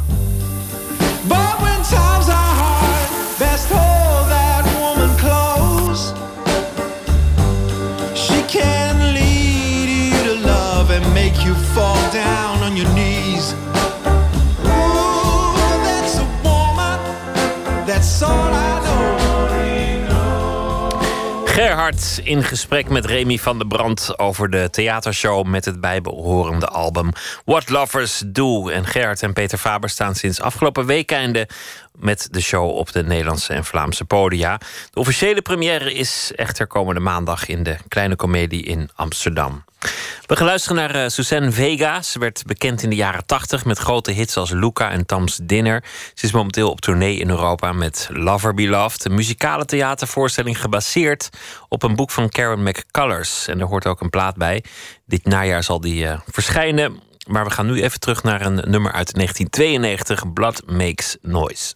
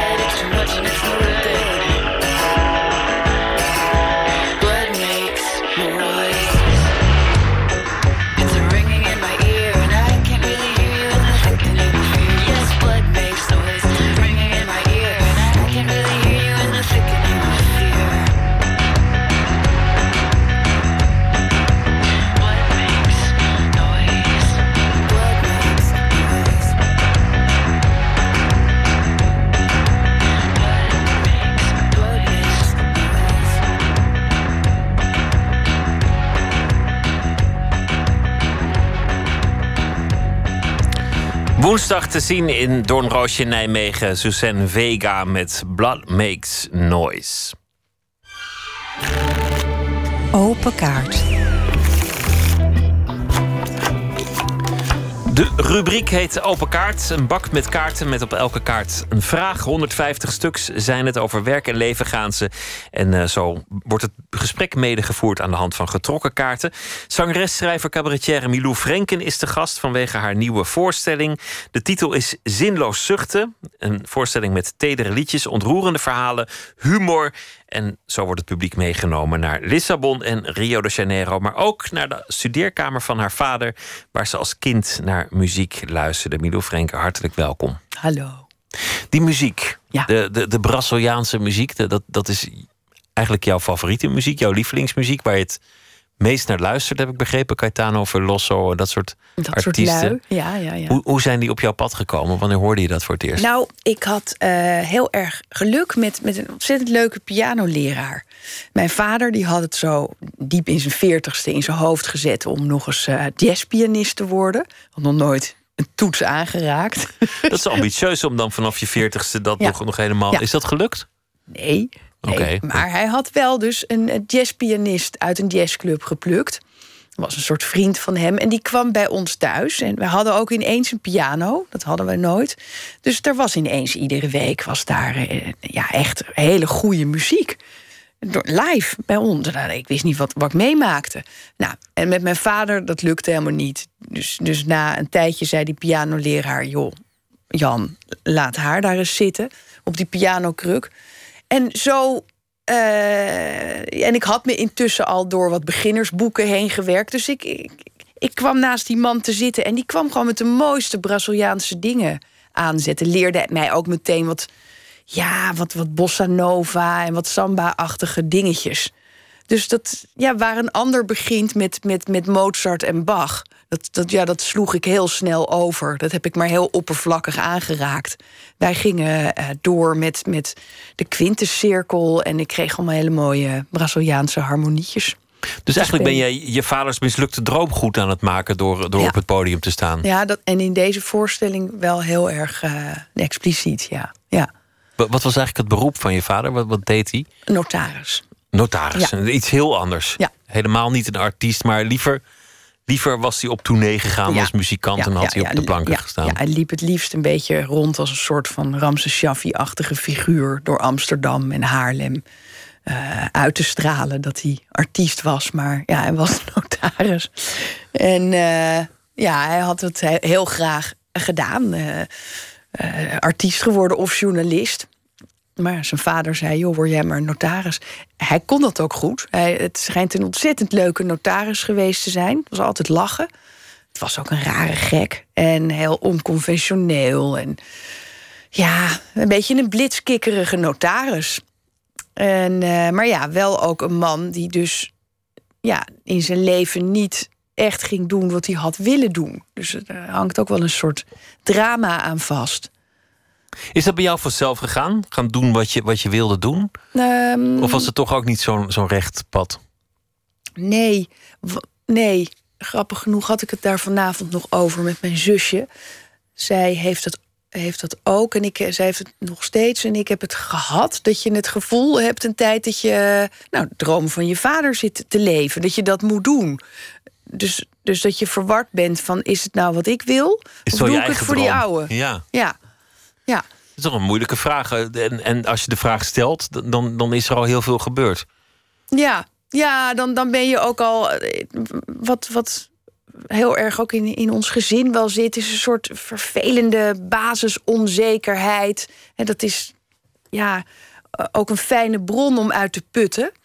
Ehm, als je schrijft, wat, wat ik doe.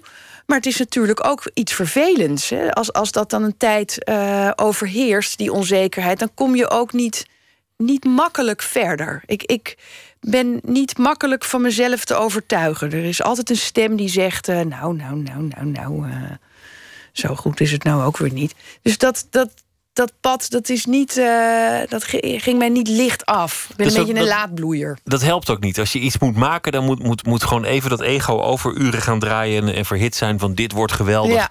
Als je al begint met een aarzeling van, nou ja, er is al zoveel gemaakt, moet ik daar nog bij Ja. komen? Dat, dat is moeilijk. Ja. Je bent ook wel eens gestopt een poosje. Ja. Helemaal. Ja, ja inderdaad. Dat was, eh, dat was, ik denk dat ik een jaar of 27 was. Toen had ik een paar jaar opgetreden met Bert Klunder. Dat was mijn eh, toenmalige... Je geliefde, die, die, ja. die te jong overleden Ja. is.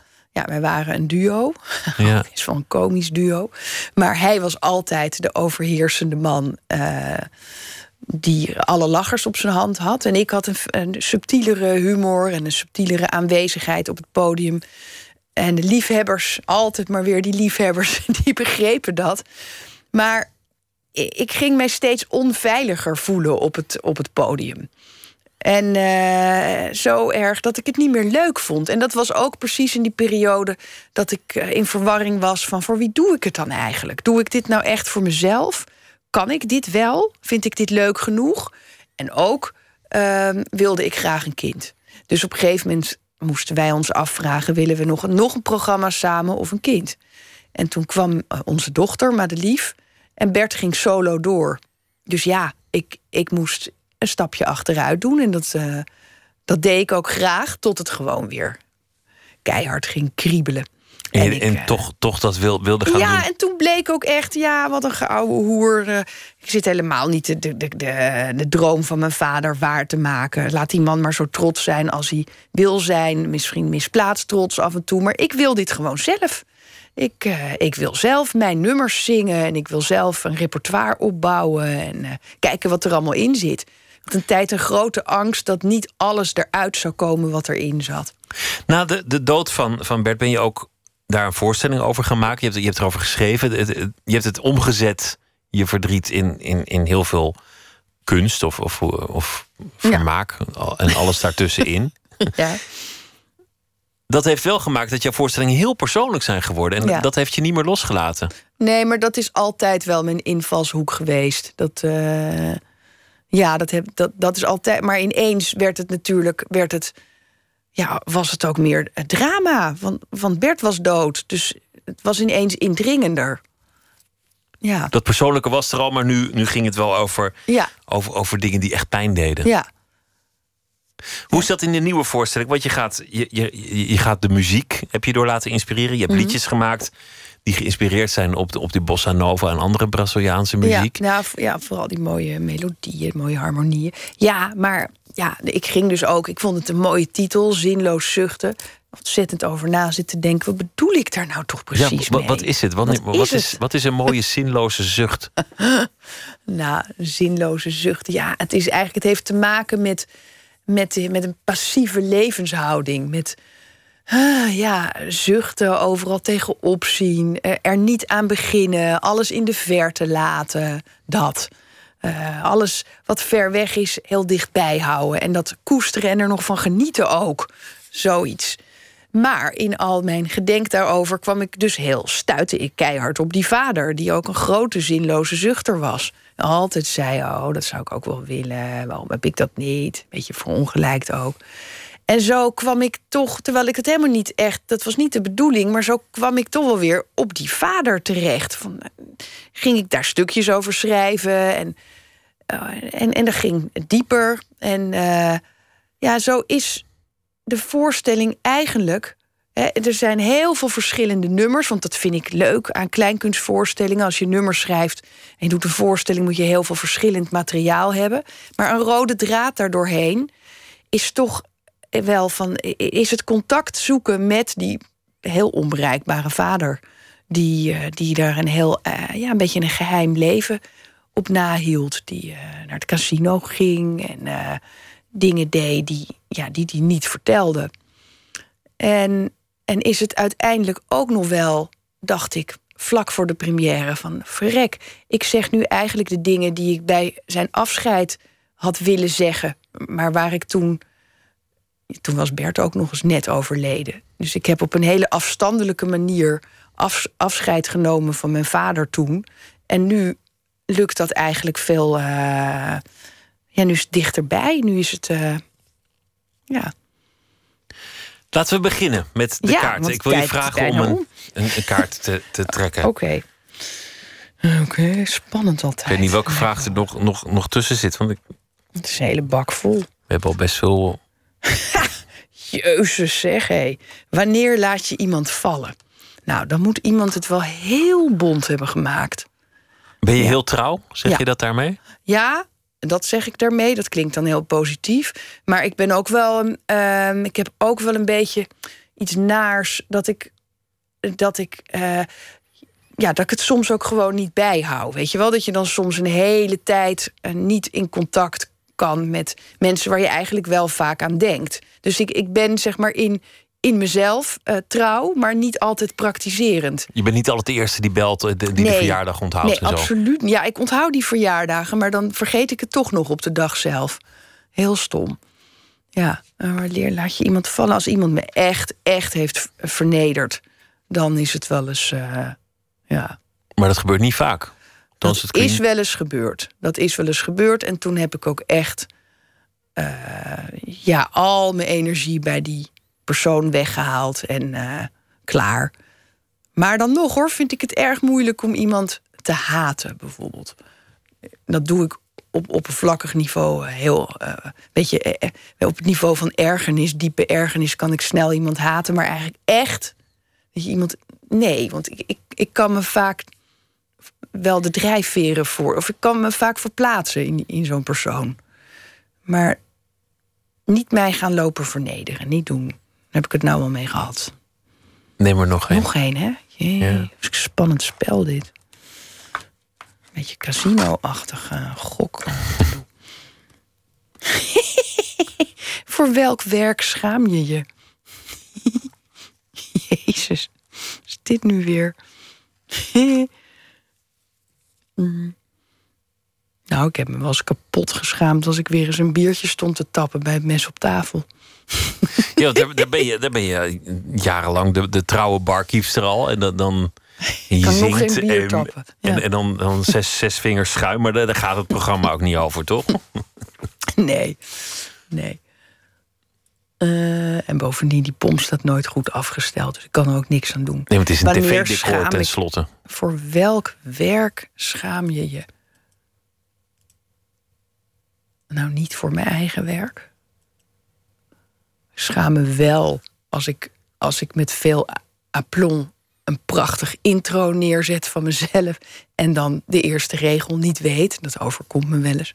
Of Maar dat is toch interessant, want je hebt een soort twijfel als je begint. Dan zeg je, ja, moet ik dit wel doen? Is het wel belangrijk? Is dit wel wat ik echt wil? Ja. Dan, dan, dan heb je niet een soort blaaskakerig grotesk ego. Maar als je er eenmaal staat en het is er eenmaal... Mhm. dan, dan is er kennelijk geen enkele schaamte meer. Geen, geen moment meer dat je denkt, op het podium hoor ik hier wel te staan. Jawel hoor, Of- dat is of- er wel. Ja, hoor. ja zeker. Zeker. Ik kan erg bevangen worden door, ehm, ja, door, door schaamte als ik, als ik het gevoel heb dat ik niet echt contact krijg met de zaal. Dat gebeurt wel eens. Dat, ja, dat heb je wel eens niet helemaal in de hand. Of ja, misschien heb ik echt wel iets niet goed gedaan. Maar het ligt soms ook echt aan de mensen in de zaal. Of de sfeer. Dat, ja, dat- ja. Ja, ja, En dan kan ik me erg schamen voor, eh, voor, ja, voor, voor die anderhalf uur die ik in mijn eentje denk te gaan vullen. En eh, dat ik ooit het idee heb opgevat dat ik die mensen wel eens iets zou kunnen brengen of zo. Dat, en dat is een heel gevaarlijk, dat is een gevaarlijk gevoel. Want als je dat te veel gelooft, ja, jezus, dan. eh, Oh, dat lijkt me vreselijk, want, want da- dan glipt het een beetje door je vingers. De zaal is stug. ja. En dan verlies jij ook nog een beetje het vertrouwen. Want jij bent degene die, die uiteindelijk die energie weer die zaal in moet Ja. zien te krijgen. Ja, nou, en dat is dan echt een gevecht. Eh, want wat dan, wat, dan gauw, wat dan dreigt te gebeuren, dat is dat je eh, gaat spelen. Dat je er toch nog heel erg op je gemak staat. Ja, dat kan net goed gaan, maar dat kan ook ontzettend fout gaan. Dat die mensen helemaal afhaken. Want die willen toch iets, iets echt zien. Het moet toch echt gebeuren. Ja, Oh, nachtmerries. ja. nog We een gaan er kaart. nog, nog eentje. Ik De- vind de het vraag snel gaan, hoor. Ja, het gaat razendsnel. Ja. Jezus. Nee, daar heb ik geen zin in. Wat staat er? Ja, Ah, politiek. politiek. Laat zitten, joh. Wie is je grote voorbeeld? Halleki Tosi. Jezus. Eh, niet Jezus hoor. Ehm, Had gekund. Ja, had gekund. ik heb hem niet gekend. Eh, wie is je grote voorbeeld?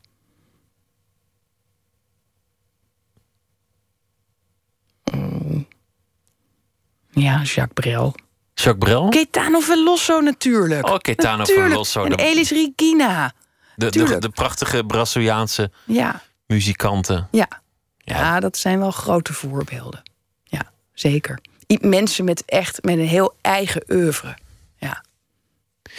Je gaat ze eren in de voorstelling. Gisteren was de première en eh, vanaf nu is de tournee eh, begonnen. Milou Frenke, dankjewel dat je de gast wilde zijn. Ja, leuk. De voorstelling heet Zinloos Zuchten. Ik ja, wens je ja, heel ja. veel Eh, plezier. morgen in Eindhoven. Zo, En eh, vrijdag geloof ik in Tiel. veel succes, dankjewel. Dankjewel. Drie broers en een neefje op gitaar, Kings of Leon. En het nummer heet Walls van het nieuw te verschijnen album.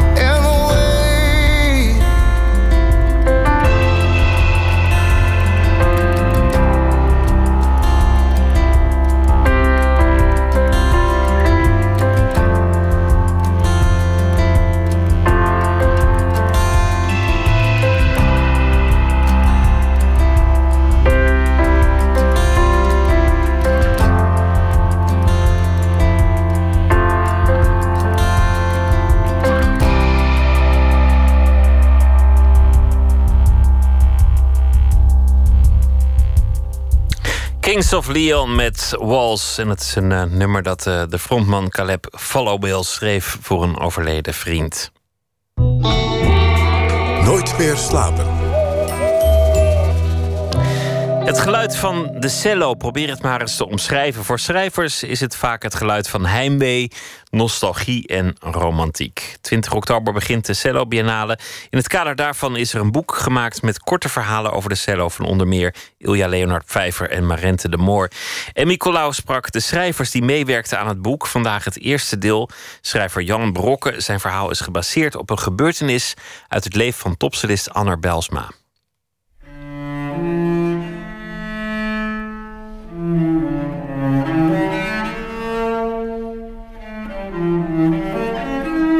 Anna Bijlsma, ja.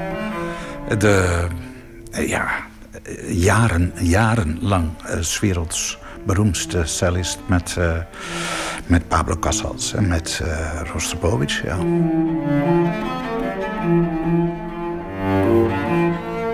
Ik heb hem geportretteerd voor de Haagse Post ooit in 1983. En uh, toen kwam hij net terug uit Washington, waar hij gespeeld had op een, op een Stradivarius cello.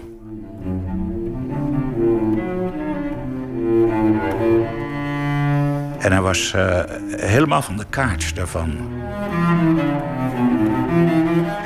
De violen van Stradivarius, die zijn absoluut de beste violen op de wereld. En uh, iedere violist is daarnaar op zoek. En die zijn onbetaalbaar ook. Maar uh, Stradivarius heeft ook uh, 60 cello's gebouwd. En iedereen is op zoek naar één exemplaar van de eerste 20. Ja, dat zijn de allermooiste instrumenten. Het is een heel donkere toon. Het gaat bijna naar de, naar de, naar de bas toe, naar de contrabas toe. En, uh, en zeker ook om daar bijvoorbeeld de, de suites van Bach op uit te voeren. De eerste vijf suites. Ja, dat is magistraal.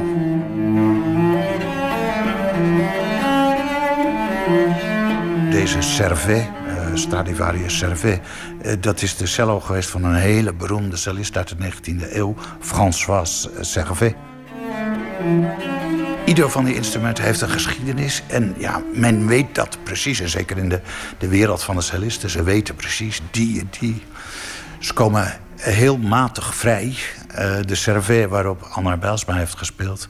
Die, uh, die staat in het Smithsonian Institution in Washington. In een museum er.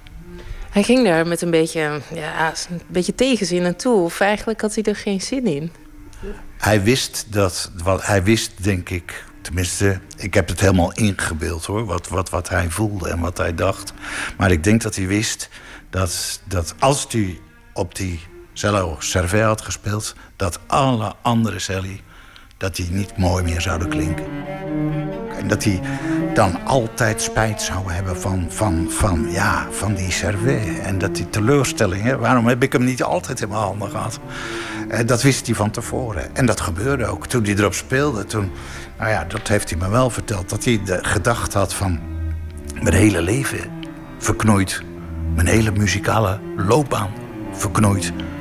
Want ik had dit instrument niet. Wat had ik allemaal kunnen doen op die Servet? Hoe hoog had ik kunnen reiken? Nog veel en veel hoger dan, dan waar ik gekomen ben. Hoe had het, hoeveel mooier had het kunnen klinken? Hoeveel meer dingen had ik kunnen, kunnen doen?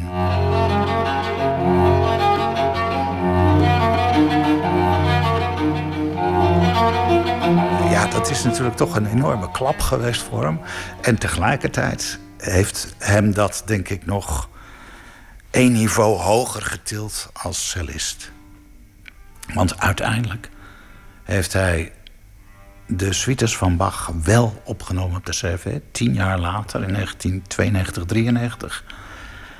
En uh, ja, toen, toen is hij echt naar, de, naar de, de allerhoogste toppen van de bergen geklommen.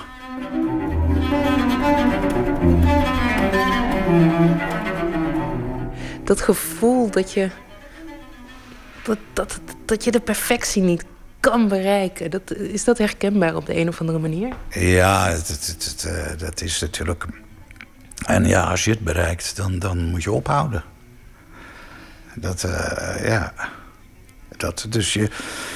het is een voortdurende strijd, maar je weet ook... wanneer, wanneer ik er ben, dan, dan, dan is het afgelopen.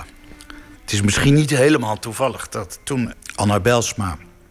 de, de tweede opname van de suites had eh, gedaan...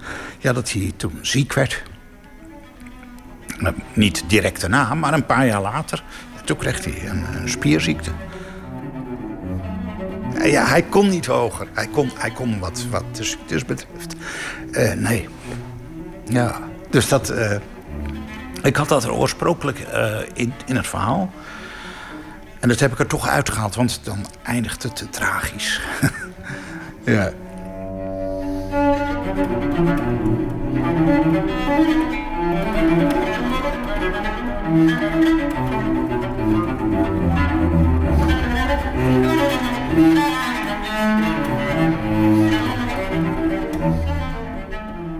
Het boek waarin het verhaal van Jan Brokken staat heet Vier variaties voor cello. De Cello Biennale begint 20 oktober. Morgen het tweede deel uit deze serie over schrijvers en de cello. Dan met Marente de Moor. De rock and roll. Er zijn gelukkig nog muzikanten die het genre aardig in leven weten te houden. Nick Waterhouse bijvoorbeeld. Een van zijn liedjes is Baby, I'm in the mood for you.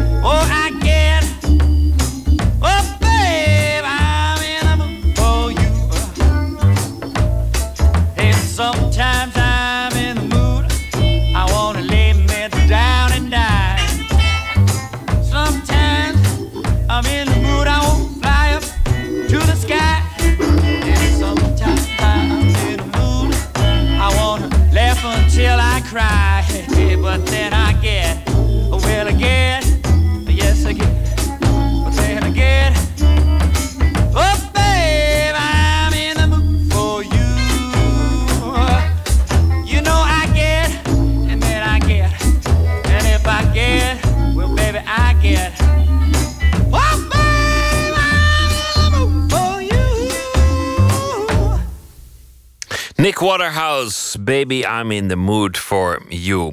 Pieter Boskma is dichter. Binnenkort verschijnt een nieuwe bundel Tsunami in de Amstel. Deze week zal hij elke nacht een gedicht voordragen. Hij eh, heeft er dus vijf uitgekozen en vannacht is dat het gedicht De Kus.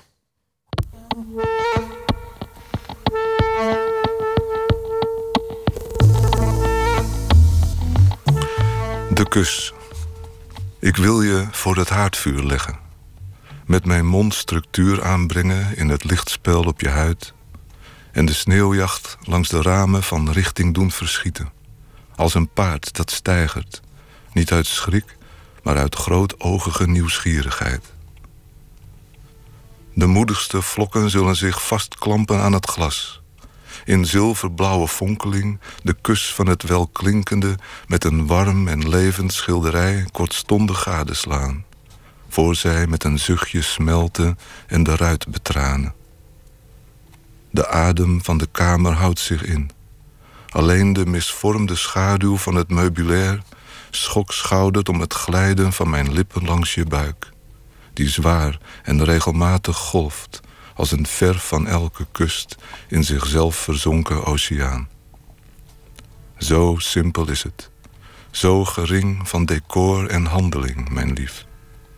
En in het diepst daarvan verscholen dan het woord dat niet uitgesproken hoeft als het zo is bewezen. En zelfs wanneer de vlammen doven in de as nog leesbaar blijft. Dit gedicht gaat, denk ik, over de eenvoud van de echte liefde. En dat die bedreven moet worden en eigenlijk niet uitgesproken hoeft te worden. Kijk, mijn werk heeft uh, zeker een, uh, een autobiografische inslag. En veel dingen in zo'n gedicht, of misschien de helft of een kwart wat er staat, is, is inderdaad autobiografisch. En de rest is verzonnen of verbeelding. En niemand weet waar die grens ligt. Ik, ik ben de enige die dat weet. De kus. Ik wil je voor het haardvuur leggen. Met mijn mond structuur aanbrengen in het lichtspel op je huid. En de sneeuwjacht langs de ramen van richting doen verschieten. Als een paard dat stijgert, niet uit schrik, maar uit grootogige nieuwsgierigheid. De moedigste vlokken zullen zich vastklampen aan het glas. In zilverblauwe fonkeling de kus van het welklinkende met een warm en levend schilderij kortstondig gadeslaan voor zij met een zuchtje smelten en de ruit betranen. De adem van de kamer houdt zich in. Alleen de misvormde schaduw van het meubilair schok schoudert om het glijden van mijn lippen langs je buik, die zwaar en regelmatig golft als een ver van elke kust in zichzelf verzonken oceaan. Zo simpel is het, zo gering van decor en handeling, mijn lief en in het diepst daarvan verscholen dan het woord, dat niet uitgesproken hoeft als het zo is bewezen. En zelfs wanneer de vlammen doven, in de as nog leesbaar blijft.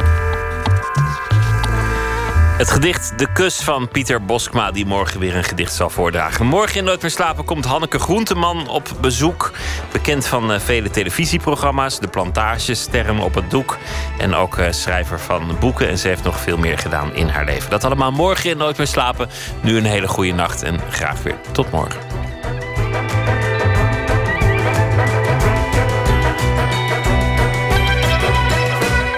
Op Radio 1. Het nieuws van alle kanten.